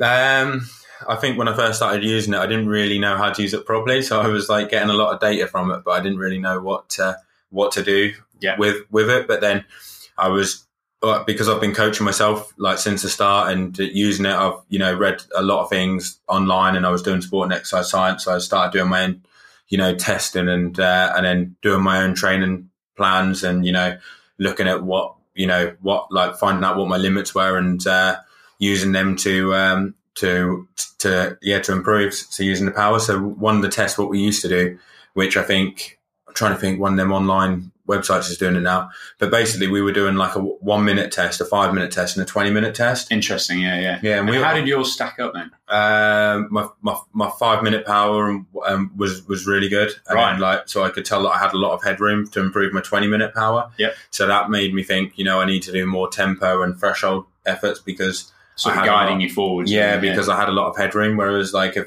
and I started doing testing for some other people, and this is back this is back in 2011, 2000, or 2000, certainly in 2013, I was doing it for other people, you know. Yeah. This is like probably before a lot of people were doing, you know, the general people were doing that kind of stuff. But Yeah. it really helped us with the training because we could see if like someone had a high 20 minute power relative to their five minute power, then they kind of had to, you know, improve that to Yeah. have the headroom to improve their thresholds. And it gave, so I was using that and that, you know, I was using that as my, as my test kind of session. And that would Yeah. give me uh, a lot of input on where to focus on my training. And then with the running, we, we did, a, you know, you'd do a similar thing. You'd work out your threshold, but I remember doing some, like I'd always do a running race Yes. Yeah. and then I might use the McMillan calculator as a guide because Right. it would say what it thought your F, you know, your predicted FTP was and Yeah, stuff sure. like that. So that kind of give me an idea of like where I thought my fitness was And that'd be functional threshold pace, right? yeah, that yeah, be yeah, functional threshold pace. And then with the swimming, that's what took me a long while to kind of get onto the on onto that because Mm. I was swimming a lot by myself and. You know, when I have swum with groups, it's been a bit like all over the place. You know, Yeah, there's yeah. not been target times as such. It's just Sure. been like a, a lot of swim clubs, what I've found, like to do everything flat out, you know, Yeah. hundreds flat out, you know, 200, everything's like max effort. Yeah. Yeah. I knew you shouldn't really do that, but you know, when you've gone to a swim squad, you, you just kind of get drawn into doing that. do what, you? what the coach asks yeah, you just do yeah, what yeah. the coach is telling you, and then Yeah, like yeah. swimming by yourself, I find very hard to like can be to motivate yourself unless Yeah, you've yeah. got specific times or sets. Um, but I've just been there's nothing groundbreaking really. What I've done has just been like you know like training now has been is similar to what I was doing back in 2012. It's just Yeah. consistency and just take you know you can't make a big step up in one year, can you? It's No. just you make small steps, but you just hope that you keep doing them, and over the Definitely, course of eight years, you, you're going to improve to a decent level if you keep improving every year. For sure, yeah. It's interesting, actually, Adam. Uh, the the debate about um, whether or not CSS pace is truly equivalent to FTP is a bit of a misnomer, I believe, because what it's allowing you to do, it's allowing the, the the beauty about knowing what your FTP is on the bike. So this is again, listeners, if you're not sure what we're talking about here, very simple. Functional threshold pace. It's the average power that you can sustain for an hour. The test, which was sort of became very popular through Hunter Allen and Andy Coggan, was this idea doing a 20 minute time trial and taking 95% of the average power to give you your so called FTP. Now, in swimming, uh, the test that obviously we've just been discussing there, the 400 and the 200, that really shows you what your critical swim speed is, which normally equates more to like a 1500 meter time trial, which is obviously a lot less time than, uh, than, uh, than an hour on the bike, basically. So there's always been this discussion about, well, is CSS really the same as FTP? But the, like I say, the beauty about FTP on the bike is it gives you one single number that you know if you improve that number, you're going to get better. Likewise, on the swim, if you find out what your CSS pace is or the pace that you sustain for 1500 meters, whether you're a, Olympic distance athlete or an Ironman athlete, or dare I say it like myself, doing more marathon swims, I know that if I make my CSS pace better or faster, I'm going to perform better in anything on 400 meters and above, which for most of us listening to this podcast, I would imagine that's the majority of us, of us there.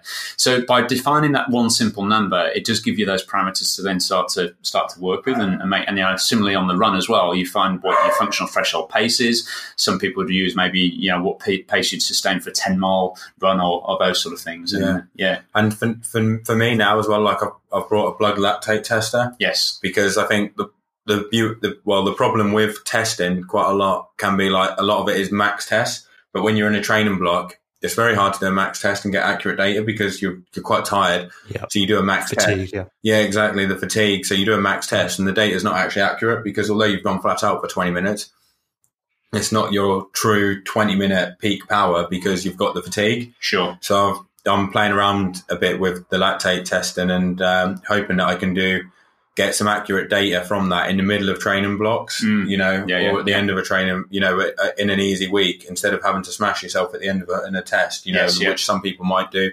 I mean, I kind of found that you you could tell whether or not your FTP had gone up by bits from looking at your heart rate and how it felt, perceived effort, because you know how like you know threshold effort should feel. You know, when Yes. you've been doing it, you know, ten years, eight years, you, you know what it if it should feel accurate. But I'm hoping that with the lactate analyzer, I can get more accurate data Mm. and get it during training block so I can fine tune it a little Yeah, bit. yeah. And I'm gonna It'll be really interesting tomorrow. So, listeners, we're going to be doing the the classic seven times two hundred meter step test with Joe tomorrow in the pool. So, this is another way of developing and working out what lactate threshold is in the pool, but it does involve this fancy uh, blood lactate analysis machine. It involves us taking some blood from Joe whilst he's on the pool deck. And one of the beauties of the classic CSS test is that something you can do just by yourself. yourself. Um, you know, you just need a stopwatch or somebody to time you, etc. You don't need to spend a lot of money on, on the analysis. Joe's obviously taken things to a, a greater degree, but it's going to be really interesting tomorrow, to, Joe, to see how those two numbers actually tally up together. What the 7, 7200 step test gives us versus the the classic CSS test, and uh, yeah. sort of marry those up. What What do you guys think then about using like power meters and heart rate monitors in for training? Would you like? Absolutely. You know? I, I, think it's a really good question. And uh, Adam, I'll let you answer this one in a second yourself, because I'm sure you've got your own perspective and, and opinion on this as well. But um, for me personally, if I had to, if I had to be brutally honest with myself and say, you know, what races have I done which have been great and which races have I done which have been terrible? And the terrible races for me have always been where I've, I've actually believed in my head that I was better than what I was. And I've gone off way too quick and I've blown up and slowed down. So invariably, the thing that the power meter first taught me on the bike and then using the tempo trainers for swimming or these Marlins is how to pace better.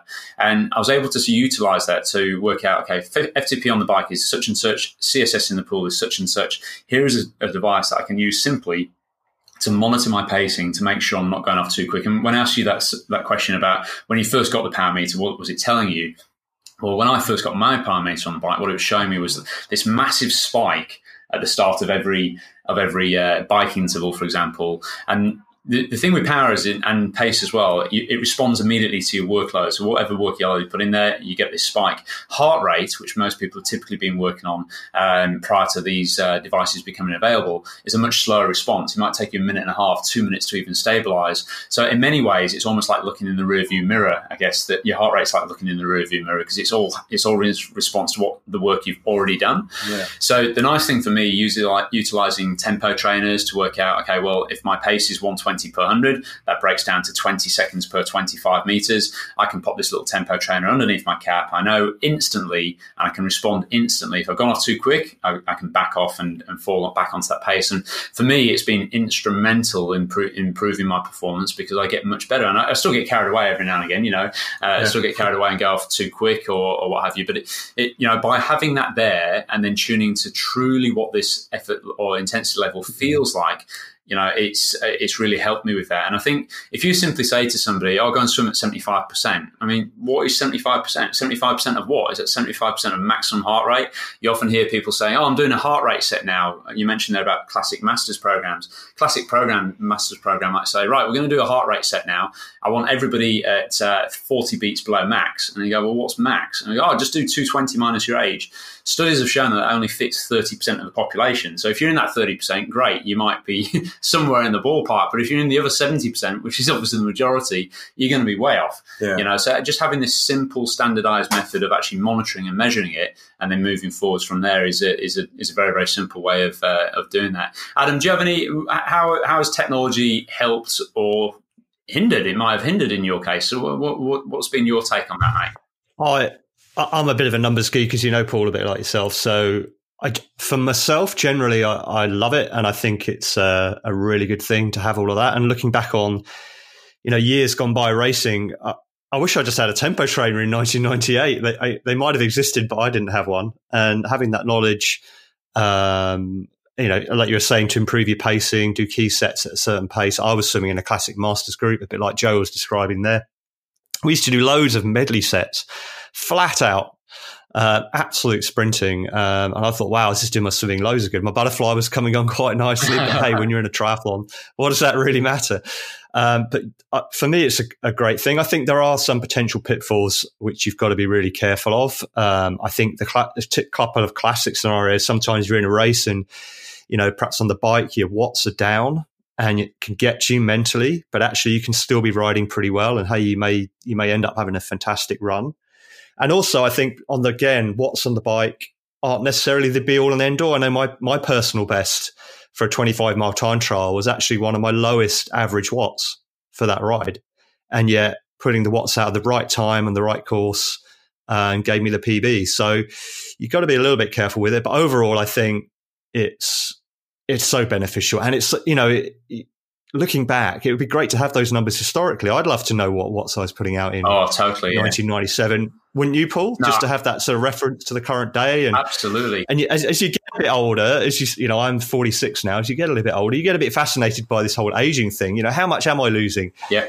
Um, am I making it up through training more intelligently and you know perhaps being more aerial on the bike than I was in you know 2001, all that sort of thing. So it would be, it would be a great record to have. I think that definitely helped to solve the question, Adam, about uh, whether or not that fish was really that big.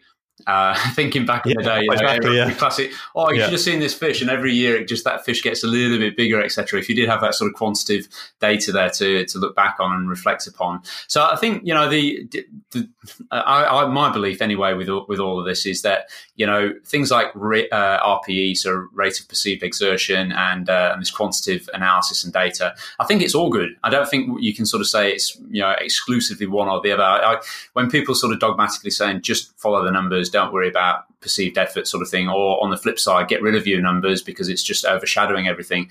I think a lot can be taken from uh, from anything, and and it's a little bit like you know our reliance upon technology. Full stop. These days, people talk about well, should we really be using our phone as much as what we are? Some people overutilize the phone. Some people maybe don't benefit from utilizing technology enough. You could argue uh, with maybe you know I find the advent of uh, of Google and being able to search and find stuff as easily as what you can these days is just um, it's just fantastic, of course. So I think you know the the argument there is really um, it, it is it's really a bit of a misnomer. It's you know you can't really have one without the other, and I think you can learn a lot about yourself by yeah. uh, by utilizing this technology for sure. But uh, I mean, yeah, I mean, you get coaches saying people use it too much. I think it's easy to find five percent, ten percent of athletes who who have genuinely become over reliant and they've lost their feel. But that doesn't mean the remaining 90% should be stripped of all technology, which is benefiting them. No. Um, you know, that, that 5, 10% need to back off. Yeah, for sure. And learn and, and learn to feel their way as well. But, you know, in my experience, most athletes can strike a balance between the two, certainly as they get more experienced, um, after a couple of years in the sport. Yeah, definitely. I mean, it's, they're fantastic tools to have. Fantastic. Totally, totally. Now, um, before we let uh, Joe get away, then we, we talked about obviously we, have had a good chat. We've got some numbers there. He's divulged a lot of information about uh, threshold powers and these type of things. We'll have a quick chat just now about the type of swimming work that we've been doing over here, specifically related to your stroke uh, your stroke work, and then uh, and then we'll round things out. Maybe just about telling us about what a, classic week in the life of uh, Joe Skipper looks like in terms of in terms of training. If that's all right, Joe. So the the interesting thing, the story behind uh, Joe coming to be here, both on the podcast and obviously physically here in Perth, was that um, Seamus, one of our coaches, Seamus Bennett, based down in uh, down near Norwich in the uh, in the UK, is actually based Felixstowe. in Felixstowe. Felixstowe. Yeah. Um, he. Yeah he actually contacted us and said, "Oh, you know, I've been um, contacted by Joe Skipper. You may have heard of him." I said, "Yeah, of course, I've heard of Joe Skipper. He's, he's on this meteoric rise with his with his training." I said, "Well, he's coming along for a video session." So, um, Seamus, uh, with Joe's permission, shared some of that video footage. I te- checked it out and had a little, little look little look at it, and uh, we worked on that. And then probably about uh, maybe six months ago, Joe, you contacted us saying you were interested in coming out to out to Perth and spending some time over here. And it's always an interesting one when when somebody contacts you because ultimately. You know, and I said this to you, Joe, when you first arrived over here. If you're capable of swimming 50 minutes, that's the uh, the police. You can probably hear a bit of a police thing going on in the background. Apologies for that, least listeners. Maybe it's somebody coming to to check on uh, how quick Joe's been uh, been riding his bike just around here recently. But um, sorry for the distraction there. The um, the whole idea though with uh, with coming out to Perth is to obviously try to improve your efficiency, improve your swimming performance. But if you're already swimming 50 minutes in Kona, then you're already doing more right than you are doing wrong. And I think the the the rise that you've had in the swimming in the last eight years has been absolutely phenomenal. We've talked a little bit about what you've done there on the training perspective, but now let's have a little bit of a chat about your swimming. What what is your perspective, just totally open and honest here, about your own swimming from a technique perspective? What do you think about your stroke? Um, could it be better? Oh yeah, yeah, it could definitely be better. Um, what guess, people said to you in the past about it? Uh, they said before that I've like swum with a, a straight arm. Mm. Um, that's like been the main thing. Um, and like not a high arm, like a high elbow recovery. Yep. They're the two two main things. But you should be swimming with a high elbow recovery, yeah. Yeah, yeah, yeah okay. what I've heard people say before. Yeah. But I think from looking at the, the recent video analysis, my, my arm's not that straight, you know, is what it like it's got more of like a high elbow like Yep. pull through than what it used to be. But I mean, yeah, you can always Im- improve your technique no matter who you are, can't you? Like, Sure. I bet like even Michael Phelps could still. Yeah, yeah, yeah, definitely. I'm sure there's something we could find uh, a milli microsecond here or there. Yeah. It- it's quite interesting though because when, with respect to, let's just clarify a couple of those points there. You can think about the elbow, um, the perspective of the elbow, whether it's high or not, both over the top of the water and as you're pulling through underneath the water. So for clarity purposes, Joe just the what Joe just finished off there by talking about was how high his elbow is when he's actually pulling through. So how bent the elbow is, how high the elbow is relative to the hand underneath the surface of the water. But a lot of people talk about what the stroke looks like and this whole idea that, you know, your stroke has to look pretty to be efficient. We can all think of people like Ian Thorpe with the classic high elbow recovery over the top of the water who looked very, very smooth. But the question we should be asking ourselves is, is that really entirely appropriate for good open water swimming?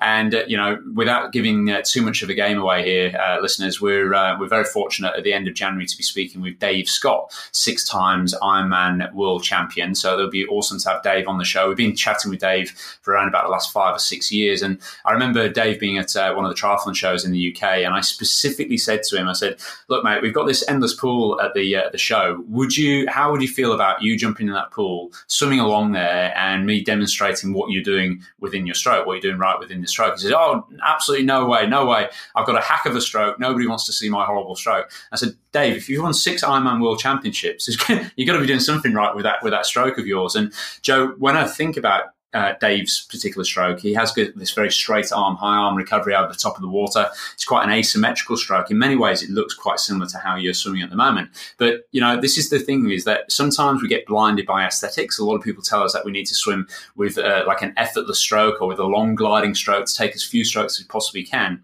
Joe, where I see you exceeding within your swimming is you've got excellent rhythm within the stroke. You've got a very good arm clearance over the top of the water. So that straighter arm recovery allows you to sit really close into other swimmers. And one of the things that we have been working on, though, is this notion of what side you're actually breathing to. Now, Kona, listeners, if you're not aware of the Kona course, it's a right hand turn course. Joe breathes specifically to his right hand side. Now, on a right hand turn course, you're at a distinct advantage breathing to the right on a right hand turn course. It's just easier to sight, to keep straight. And if you are going to drift, you're actually going to drift in towards the course. On the flip side of that, if Joe was only able to breathe to his left hand side on the right hand turn course, and potentially be adding extra distance as we go around.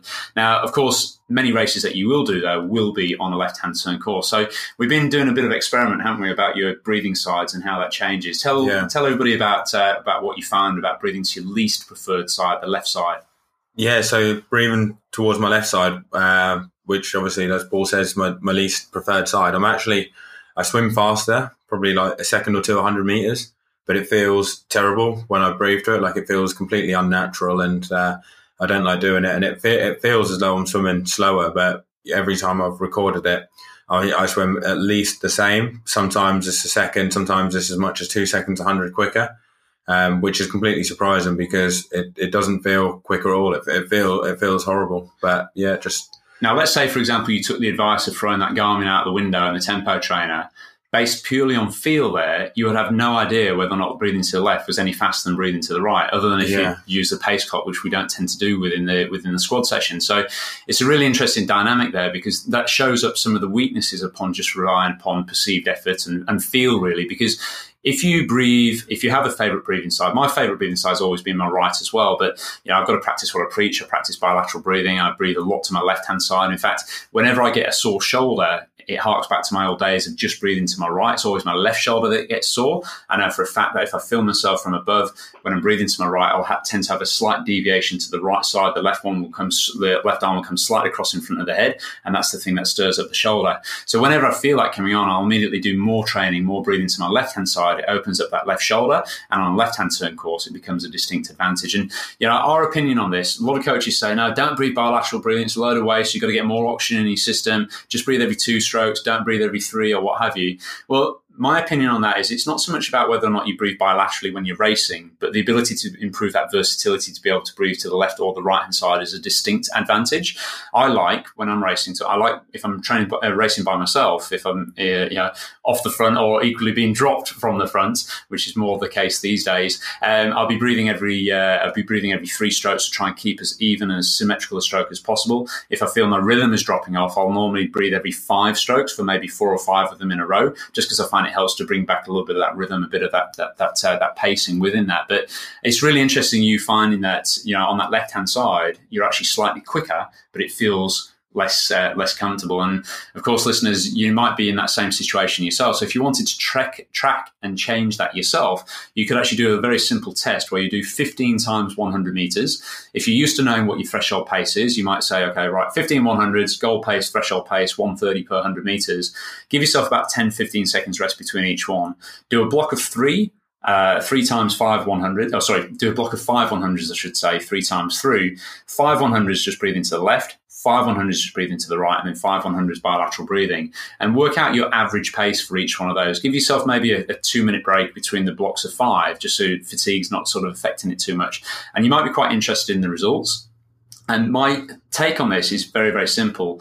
I was working with somebody today who could he could breathe bilaterally. He'd learned to actually breathe bilaterally. He'd only been swimming for a year or two, and he found that by breathing to his least preferred side, his left hand side, technically he was actually much better on that side. He had a lot of bad habits on his favourite side, but those bad habits disappeared as soon as he went to his left. For many people, like in Joe's situation, you might be inspired and motivated by the fact simply that okay well I'm, I'm, clearly faster on that left side. All i've got to do now is work to make it become more comfortable. And that's not something that's going to happen overnight but it's certainly something which you know quantitatively, if you're using your Garmin or your tempo trainer, it's definitely something to sort of aim for, aim towards, and uh, and certainly for, for the races that you're going to be doing, it's it's a it's a great thing to to work with on that. How when we've done those sessions, we primarily work on that in a uh, on a Monday morning when we do the pure technique sessions. Do you ever? Uh, uh and be honest here. Do you ever roll your eyeballs thinking, "Oh God, not again, not feeling to the left side"? Or yeah, yeah, I'm not. I, I don't really like doing that. what, yeah. what what prompts you to do? I mean is it getting any better? Is it is it, or do you, do you find it still um, still quite a challenge? Is it more of a mental thing to? Cons- well, I don't really find it that hard if I'm just breathing on my left side. Yeah, like you know, I, I can. I remember when we did them um, that red mist set with you. Yep. Before when you were in the lane and I was breathing up on my right on one side, and then when you were on the other side, I was breathing on the left to use you as a pacemaker. Yep. Um, so I can I can do it. Like I just kind of it feel it feels bad, but I just ignore it. Yeah, you know, sure. And just breathe to that side and just forget how it feels. Yeah. So, so, so I can do it. But the, the hardest bit for me is trying to breathe like every three every or five. Three, yeah, yeah, yeah, It's certainly the five, every five. That's really tough just because I find it really hard to get enough oxygen in. Yeah, sure. So, the again, the the interesting thing, listeners, that you can sort of think with this is there is a bit of a step between breathing every two to breathing every three, and that would be to use a breathing pattern which is two, three, two, three, two, three. So that's a nice step up for a lot of people to actually get that symmetry. Or you could actually say and argue that what Joe's just mentioned there about breathing to his right on one side and left on the way back down technically that is still bilateral breathing. You're still getting 50% of the session breathing to the left, 50% breathing to the right. It's not how we think of bilateral in terms of truly breathing every three strokes, but it is giving you that versatility and, and adaptation for that. And I think the key thing to remember is that whenever you're breathing underneath the water, you always want to make sure we're exhaling, never actually holding onto the breath. So a lot of people will think, I can't breathe. I'm already struggling breathing every two. I need to hold my breath for an extra stroke to breathe every three. But therein lies the problem. You don't want to be holding onto your breath. You want to be actually exhaling underneath underneath the water. So it's not so much that you're limited by how much air you can get in. It's likely that when you're actually used to breathing only every two, you're not used to having that time to actually blow out properly and, and go with that. So yeah, it's been quite interesting sort of seeing how you developed within the squad. And last Friday, if you remember, we had the Red Mist session with Christy, who's a girl in the squad, and long course meters, her CSS pace at the moment is about 116, 117, and he managed to hang with her the whole the whole session. So that was a, that, I was I was quite impressed, Joe. Actually, it was a good uh, good quality uh, workout for yeah, you. Yeah, that was pretty tough. I think I was uh, definitely swimming quicker than uh, the target paces. yeah, definitely, definitely. She was she was motoring along, and uh, so in terms of uh, just to round out, then tell the listeners we have this chat you know of course about you know listening to these uh, podcasts and stuff like that you, you, get so much general information as as specific as you can or want to be tell us if there is such a thing as an average week in the day, uh, an average week in the life of Joe Skipper, what does your weekly block look like? Um, I have kind of a, a typical uh, plan. So on like a, um, I, I kind of like analyze it. So each like after each time I've done a race, I kind of look at it and see what I think. You know, like when I've done an Ironman, what I think went well, what I think didn't, and then I'll try and tweak it to work on like my weaknesses or to to keep improving. Um, and then like as I'm going through the training block, like, I might have go for a bit where I'm like having a few like a few easy days to recover from what I've done, and then I might do a little tweak. But at Yeah. the moment, you know, on a Monday I've been um, doing the technique endurance session in the morning. Yeah. Uh, I've been doing a, a gym session like with um, Nick, Nick- Baldwin, Nick yeah, Baldwin, who you yeah. mentioned before. Yeah. And we've been doing like some weights and uh, you know all that kind of stuff like squats, deadlifts, and then I've What sort of weights are you lifting? What sort of like, Um, like number of repetitions? So it's like six six reps, like four to six reps. Yeah. So low reps, but like high weights. Okay. And then each time you go, try and get the weight heavier. So you're like close to fatigue on the six reps. So we're just constantly trying to like uh, up the weight more and more. and specifically Right. which exercises like squats, Squats, and deadlifts, yeah. yeah, um, lat pull downs. Yep. Um, And is this free weights? Is it, or is it a mix of free weights? yeah, free weight? weights. There is like we do like one-legged squats, like that's on a that's on a machine, but a lot of it's free weights if you can. Yeah. Um, How long have you been do- following a strength program? Is it something which you, you've always implemented, or No, so I did it like over the winter of 2014 and got some really good gains. Yep. And then I kind of like looked at what I've been doing the last few years and I thought I could do actually getting back in the gym and doing more. Yeah. Then I went there and like met Nick and uh, Kate, his uh, girlfriend. And yes, yeah, They said come down and like she'll set me up with like a training program. brilliant. So I've been doing it like twice a week, like Monday and Friday. Yeah. So and then yeah, on a Monday I might do like a, a steady ride as well, like Sure. pretty easy, like an hour to two hours, depending on how I feel Right. and then a Tuesday I was doing. Um, God, I'm trying to think now off the top of my head. I was doing a run in the morning, the red 10 mist, yeah, yeah. the red mist set with you, and Yeah. then I mean not a run in the morning. Uh, I was doing a, a bike ride, I think actually, Yes, yeah. and then um, I remember you had that epic uh, week last week where you did the uh, you did some bike intervals with um, Alistair Caird um, on the Tuesday morning. Then he came and did the 10 400s and blew me off in the last uh, last uh, the the tenth interval, as it were. Came came charging past in the last 150 meters there, and then uh, did a solid interval session with uh, Yeah, front runners right. in the evening. so t- typically like before Kona, so what, that's probably best to go back to then. I would have like my easy days would be Monday, Wednesday, and Friday. Right. and then my like my hard, my harder days would be Tuesday, Thursday, um, Saturday, and Sunday. Yes. Yeah. So, so like Tuesday, like the hard session on Tuesday would be a hard swim. Yep. I'd always do a hard swim on a Tuesday and Thursday, Right. Okay. and then like the run or the bike would be the later one in the day. Yep. Because like I found like I'm okay running or cycling Yes. if I've done a hard swim.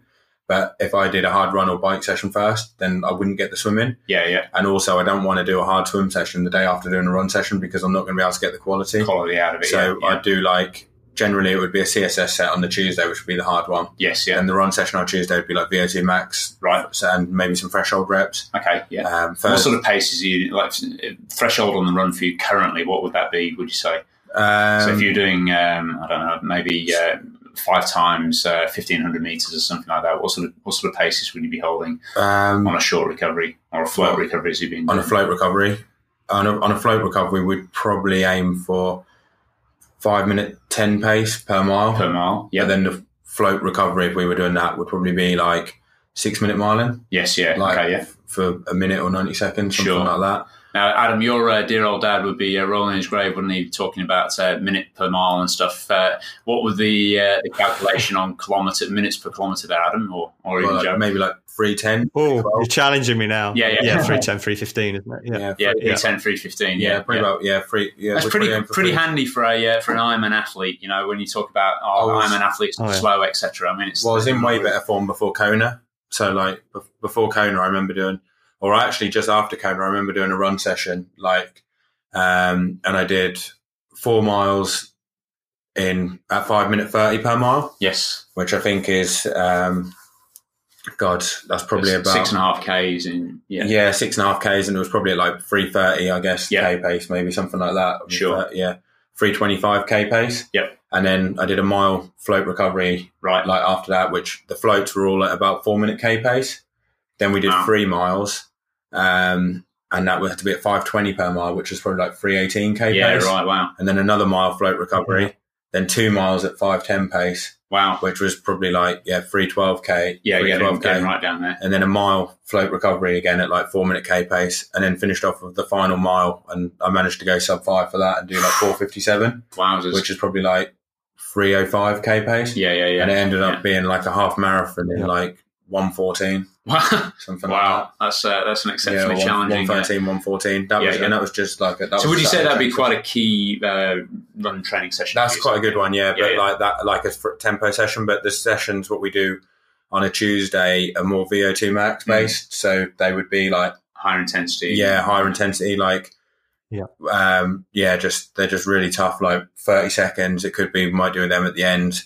Up to max would be generally five minutes. Yeah. We might do an eight minute effort at the start because sometimes they start with a bit of a longer effort, but yeah, sure. Normally they would be like, you know, you might start with an eight minute and they might say tempo. So it'd be Yeah. slower, maybe like at threshold pace.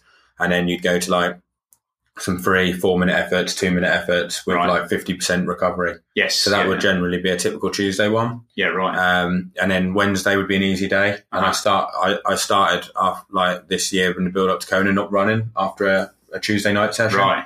And I found that really helped my recovery. Okay. Instead of yeah, doing yeah, an yeah. easy run, like, you know, the next day I just thought, actually, I'll, I won't bother running. And I found that I bounced back a lot quicker. Yeah, yeah, And then I would do a swim. I was doing a swim and a bike ride Yeah. on uh, Wednesday.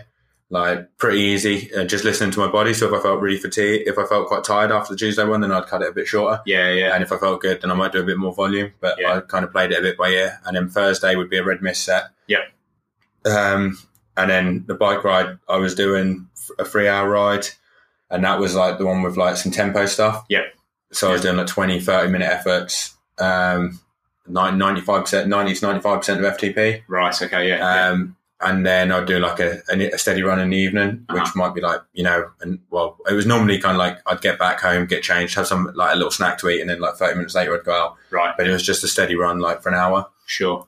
And then Friday was another easy day. Yeah. I would just, you know, if I was swimming and uh, I think I'd swim and run then. Yeah. Just take like, but they'd both be easy, play it by ear. Yes. Yeah. Saturday I'd do uh, the run session, what what I said to you about, and then I think I was doing a swim as well, but Yes, it was right. like an easy swim. Like I think I was normally swimming first, Yeah. and then I'd do the, the run.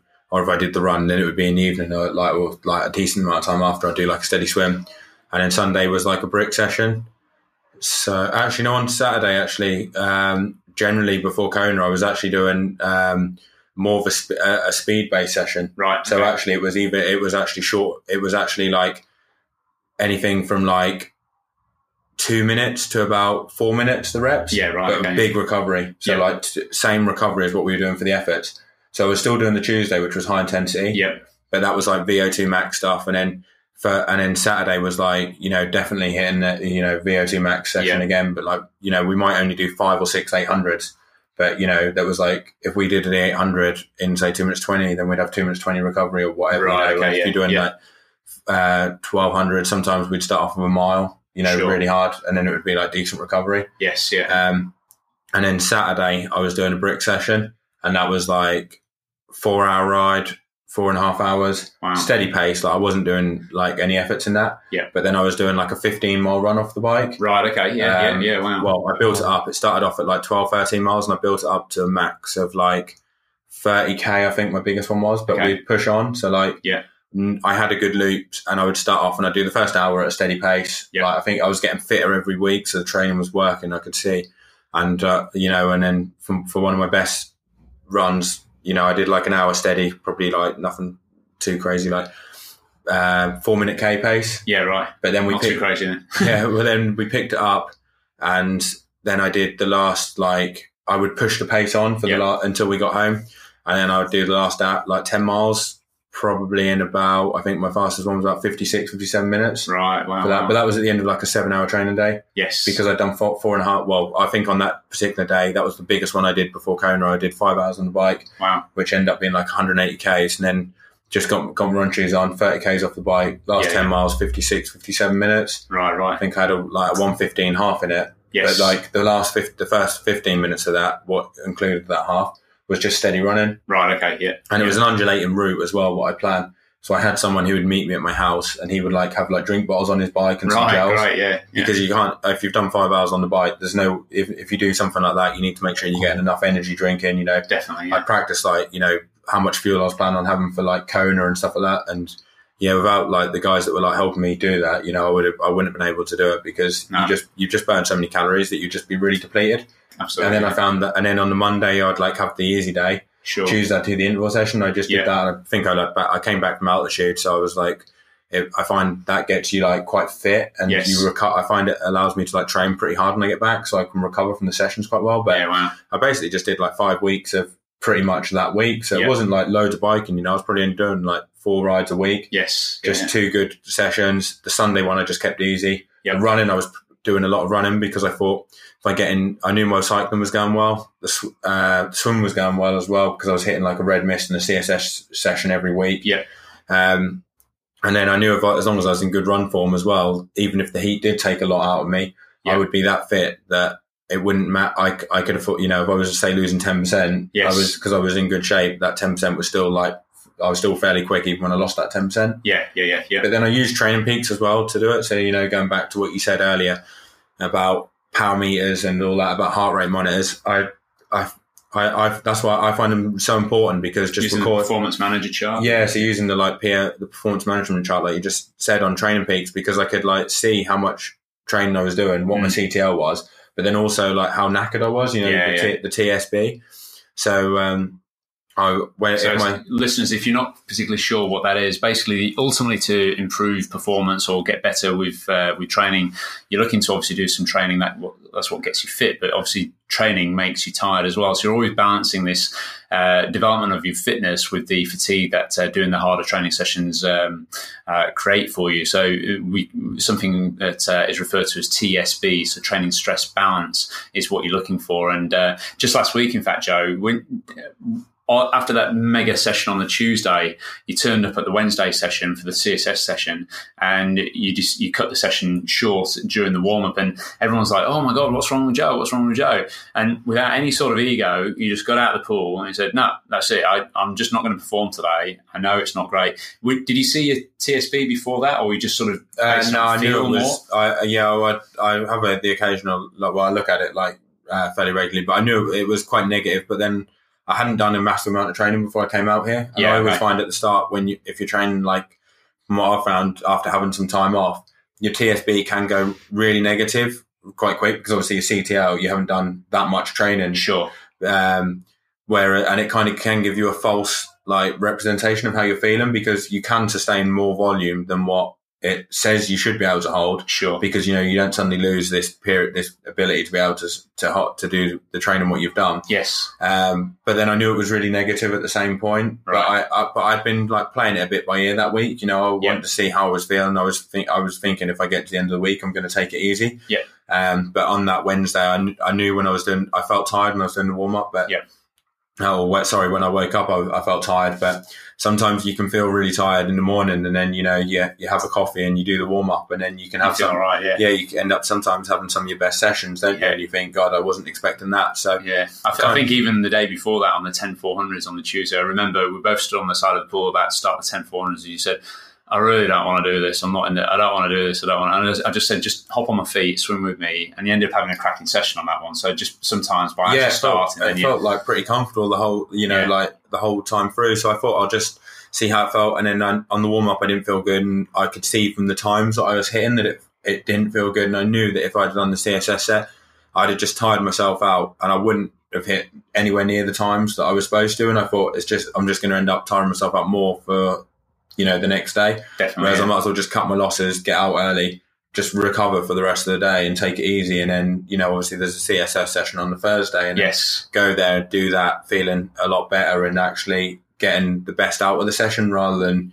you know, hitting, you know, CSS plus three instead, you know, like, but, you know, basically tempo speed instead Yes. of like threshold, threshold, VO2 yeah. max uh, kind of like effort. definitely. And yeah, then yeah. yeah, I went on the Thursday and had my best session probably so far since I've been here. But Yeah, on the. Wednesday, I would have been. Well, I could tell when I was warming up because they're the same session, aren't they? On Yes, Wednesday are, and Thursday. right, so. I was doing the 50 meters just before the main set, which kind of uh, to get you ready, four seconds, Yes. a 50 quicker than what I was doing the next day, right. and wow, it felt wow. e- and it felt easier as well. Yeah, yeah. And it, so I so I knew that I knew it was it was on that day. Yeah, yeah. you know you're going to have a good one. Yeah. Well, that's uh, that's all that's all really interesting, useful stuff there for uh, for the listeners to take on board as well. And I, I, think one of the things that we always need to bear in mind, and this is just going right back to the, the very start of the whole discussion with you, Joe, and thank, thanks for your time on this today, is this whole idea that we can divulge all this information about Joe's FTP, his threshold pace, or whatever it might be, etc. But at the end of the day, you've still got to get out there and do it, and it's what happens over cumulative years. You know, he's, he's only been in the sport for eight or nine years. He's got a top 10 placing at uh, Kona, seventh, you know, a fantastic result there. But it's just by chipping along consistently, knowing what your body needs, what it requires, and then monitoring and going forwards with that. And my advice, really, and I don't know what you what you think about this, Adam, as well, is the sense that I know myself, I obviously don't do any anywhere like the training volume that you do in, uh, these days, Joe. Um, I think sometimes there's, um, you get down to the pool and you might have had a really busy work or you might be really busy with family etc and you can you can almost feel mental fatigue but you might have not actually been doing yeah. the training the physical fatigue and i'll often tell myself you know oh, I'm not really up for this. And it's more of a mental because everything else is going on. But I get in there and I have a swim, and suddenly it's like, wow, actually, I'm feeling all right. And then you feel better for, for doing that. And, you know, whether you're tracking that in training stress score or training stress balance with uh, with performance manager and training peaks, etc., or, or just learning to, like Joe's been doing there, giving you an example of just starting and then just sort of gauging it on how you feel. You might look at your numbers a little bit, sort of thing, but just gauging it on feel is is a really solid way. What, what do you reckon about that, Adam? Yeah, definitely. I um, big subject all in itself, isn't it? it? Is that sort of mental physical relationship. Something I've tried to do if I've had a busy day mentally and I'm going to go and train is I'll just try and find a quiet 10 minutes and I'll literally, if the house is empty, I'll just lie on the sofa for 10 minutes, not sleep necessarily. Mm. Just close my eyes, lie there for 10 minutes, set a timer on the watch or whatever. 10 minutes later, get up, do the session, and you feel amazing just from having that 10 minute recovery. It's like a, it's like a power nap yeah, you should try yeah. it if you can. Uh, if you can, but it needs to be quiet. If you've got interruptions or the phone's going or it's not going to work. Yeah, um, good. Yeah, I've done that quite a few times, and um, yeah, works. When, works when I was planning my training for Kona, I, was, I, knew what my like TSB would be like for when I would like my performances would start like picking up and or dropping off. You know, like yeah, from yeah, like yeah. training. I knew when I was like going to get start getting bad quality training. So, and I knew from experience from doing it, from using like Training Peaks for the previous two years. Yes. So then I would, ha- that was why I was playing my easy days by ear. Right. Because right. I could see how I was feeling. I knew that I wanted to nail the hard days. Yes. And then obviously as I was like uh, tolerating more training, I was recovering from it e- easier. Yep. So I actually added a bike session in on the Tuesday. Right. Like right, a VO2 max one. Yep but I made it short so I could get like hit some VO2 max powers. Sure. But it was a short warm up, you know, well, not a short warm up, like a warm up enough so I could get the session, do the session, and like really um, easy afterwards to get decent like training session in, but without adding like unnecessarily like, you know, TSS or whatever. Yes, yeah, yeah, yeah. So that that was what I was doing. But then I, but yeah, like I say, I knew what TSB would cause negative. Yep. And I would try and like, so once I got to like, for me, minus 30, Yes. I could take like a few easy days. Right. And then I might kind of resume into the week where I, where I like would have been. Yep. Uh, and I found that that helped me bounce back. And instead of taking, needing to take like a whole week easy, yeah, a yeah. few, two or three days, yep. if I anticipate it, would mean that I could do another two, three weeks of like, or two weeks of good, 10, two yeah, weeks yeah. of good training. I think it's, I think all this technology and the software that you use for it, it just makes training so much more dynamic than it used to be. You know, the classic thing used to be, right, here's your periodized program, three weeks hard, one week easy, do that until the cows come home type of thing. And, you know, have this big base in the, at the start of the year and then change it to just threshold or VO2 max type of thing. But, you know, what Joe's talking about there is just making it all that much more dynamic by utilizing. Yeah. And sometimes I'd say, like, you know, you don't necessarily want to look at your power meter for when you do certain efforts, you know, mm. like, so I used to like doing some of the Zwift races. Yes. And I wouldn't look at the power, what I was holding, you know, well, I could see it on the screen, but I didn't lap it. So I didn't see what my power was for, yeah, you know, yeah, yeah. that, what I'd been doing for the first 20 minutes of the race. But I would rate it like I was trying to, trying to win the race. Yes. Right. And right. then I'd look at the data afterwards. Yep. And sometimes I was getting, you know, some of my best powers for certain durations on it. And yeah, it just, you know, I think sometimes if you look at the power too much when you're doing efforts, you can end up holding yourself back. Yeah. And that can can be a problem that you don't end up finding your limits because you know you think, oh, I'm going to hold 90% of FTP for this or yeah, yeah. do that. Whereas I think sometimes you do want to do a few efforts, you know, or an effort, and you don't look at the power and you just go all in. Yeah. And you yeah. see what you can actually do. But you, I think you want to record that data because I think it's good to to know what you did and Oh, totally. to look back. Whereas I wouldn't say you want to, you know, do the effort without looking at power and then have no data from that because Yeah. it's, it's almost just wasted. Waste of time. yeah, you know, yeah. So, like sometimes when I'm doing an interval session, I've done, you know, if I've done like three or four four minute efforts, then I might do the last one, not look at the power, yeah, yeah. you know, just, see what happens. Turn yeah. the screen off, but do four minutes and then just see what I actually did to see did I actually hold, you know, do as good. And quite often, I actually do better on on that effort than what I did when I was looking at the power Right. Yeah. Wow. That's interesting. you know, yeah, yeah, but I do that when I like, and I'm feeling fatigued when I get to that effort, which is why I don't want to look at it because you know I feel like I'm hanging on in the session. But yeah. Yeah. you know, sometimes they've been my best, my best ones Right. because wow. I feel like you're doing it in fear, then that you don't want to do worse. Yeah, yeah. what you're doing, so you keep the power on. Yeah. Yeah. Um, so yeah, that's that's what I found. But the main thing for me for using all the data is knowing like how fatigued you are because you can go by perceived effort. You know, Yeah. so when I was doing that session, what you mentioned on the on the Wednesday, if I hadn't have been using like time to track what times I was hitting, Yeah. I wouldn't have known. I would have thought I don't feel good, but I wouldn't have known if I was actually feeling bad or if I was feeling good. And some people Yeah. might say it's bad then having the time because you got out the session instead of doing it. But then Yeah. Yeah. how much do you gain from not actually hitting your target paces? Like, you know, do you, Totally. Yeah. Do you gain what the, what you're supposed to do out the session, or are you just like uh, fatiguing yourself more and accumulating junk miles? That's right. That's So I- right. Yeah. So I find it just makes you be able to train smarter, Definitely. easier, without, and you don't need to second guess it. You know, I went out on Sunday as well.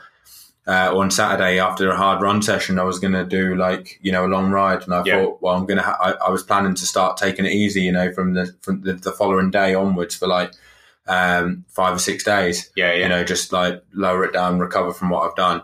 But the power was terrible. You know, I could see I was like hitting like 150 watts, didn't feel good. So I thought, actually, Right. you know, what, I'm just going to ride to the calf. You know, yeah. so I Yeah, just yeah. rode to the calf and had Yeah. a couple of coffees. But you know, if I hadn't had the power, I'd have gone out. You know, I'd done them. But what am I going to get from doing three hours at you know 160 watts or whatever? You know, Totally, yeah. There's just nothing to gain from that, is it? But it just showed me. You know, I've had two sessions where I've been like that in close period of time Yeah. and looking at the data, what I've got, you know, it's time for a, you know, a for a break. Yeah, Yeah, soak yeah. up the training. And uh, I'll do a bit of testing this week, like you mentioned, with the lac- lactate testing and reset my training goal, Yes. training paces. And also, I did some testing before I came out here so I can see if I've improved, you know, how much I've improved or if I have sure, improved and plan some of my training going forward from, from that data. Yeah. Yeah, excellent. Well, uh, Adam, I think that's been a uh, really intriguing and interesting conversation there with uh, with Joe, don't you reckon?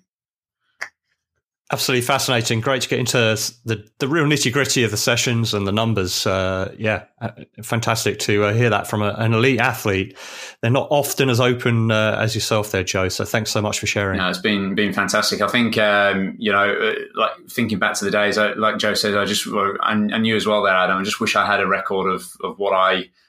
Um, Mm. What I used to do and stuff, because then you can sort of n- not gloat on it or what have you, but utilize it as a bit of a okay. This is benchmark. This is what realistic is. What is realistic now, and and just uh, training from there and, and moving it forward. So, Joe, it's been an absolute honour having you on the uh, on the thing. You're still staying around in Perth for a little while, aren't you? What's the what's the movements looking like going forward? Yeah, we're definitely here until at least the 10th of February because uh, my girlfriend's doing a dry needling course. Yeah, fantastic. Yeah, and then moving on to uh, back over to the UK, presumably, and then off to Uh, Texas. Is that right? No, no, back. We'll we'll probably go to the east east coast after that. Yep. But I won't be going to Texas, uh, to, well back to the UK until the end of March. Okay. Yeah. Like, sure. Yeah, um, while I'm out of the cold weather, I'm not going. I'm not in any hurry to get back there. No. No. And then yeah, Texas at the end of April, which is a, a massive target for me. Yes. It's, it's a shame to miss Ironman New Zealand. Like you know, I've been there twice, and obviously being in Australia, you know, it feels like you're so close to it. But yes. I think it would just be coming too soon because I raced a lot last year, you know, like a lot of Ironmans. And then Yeah.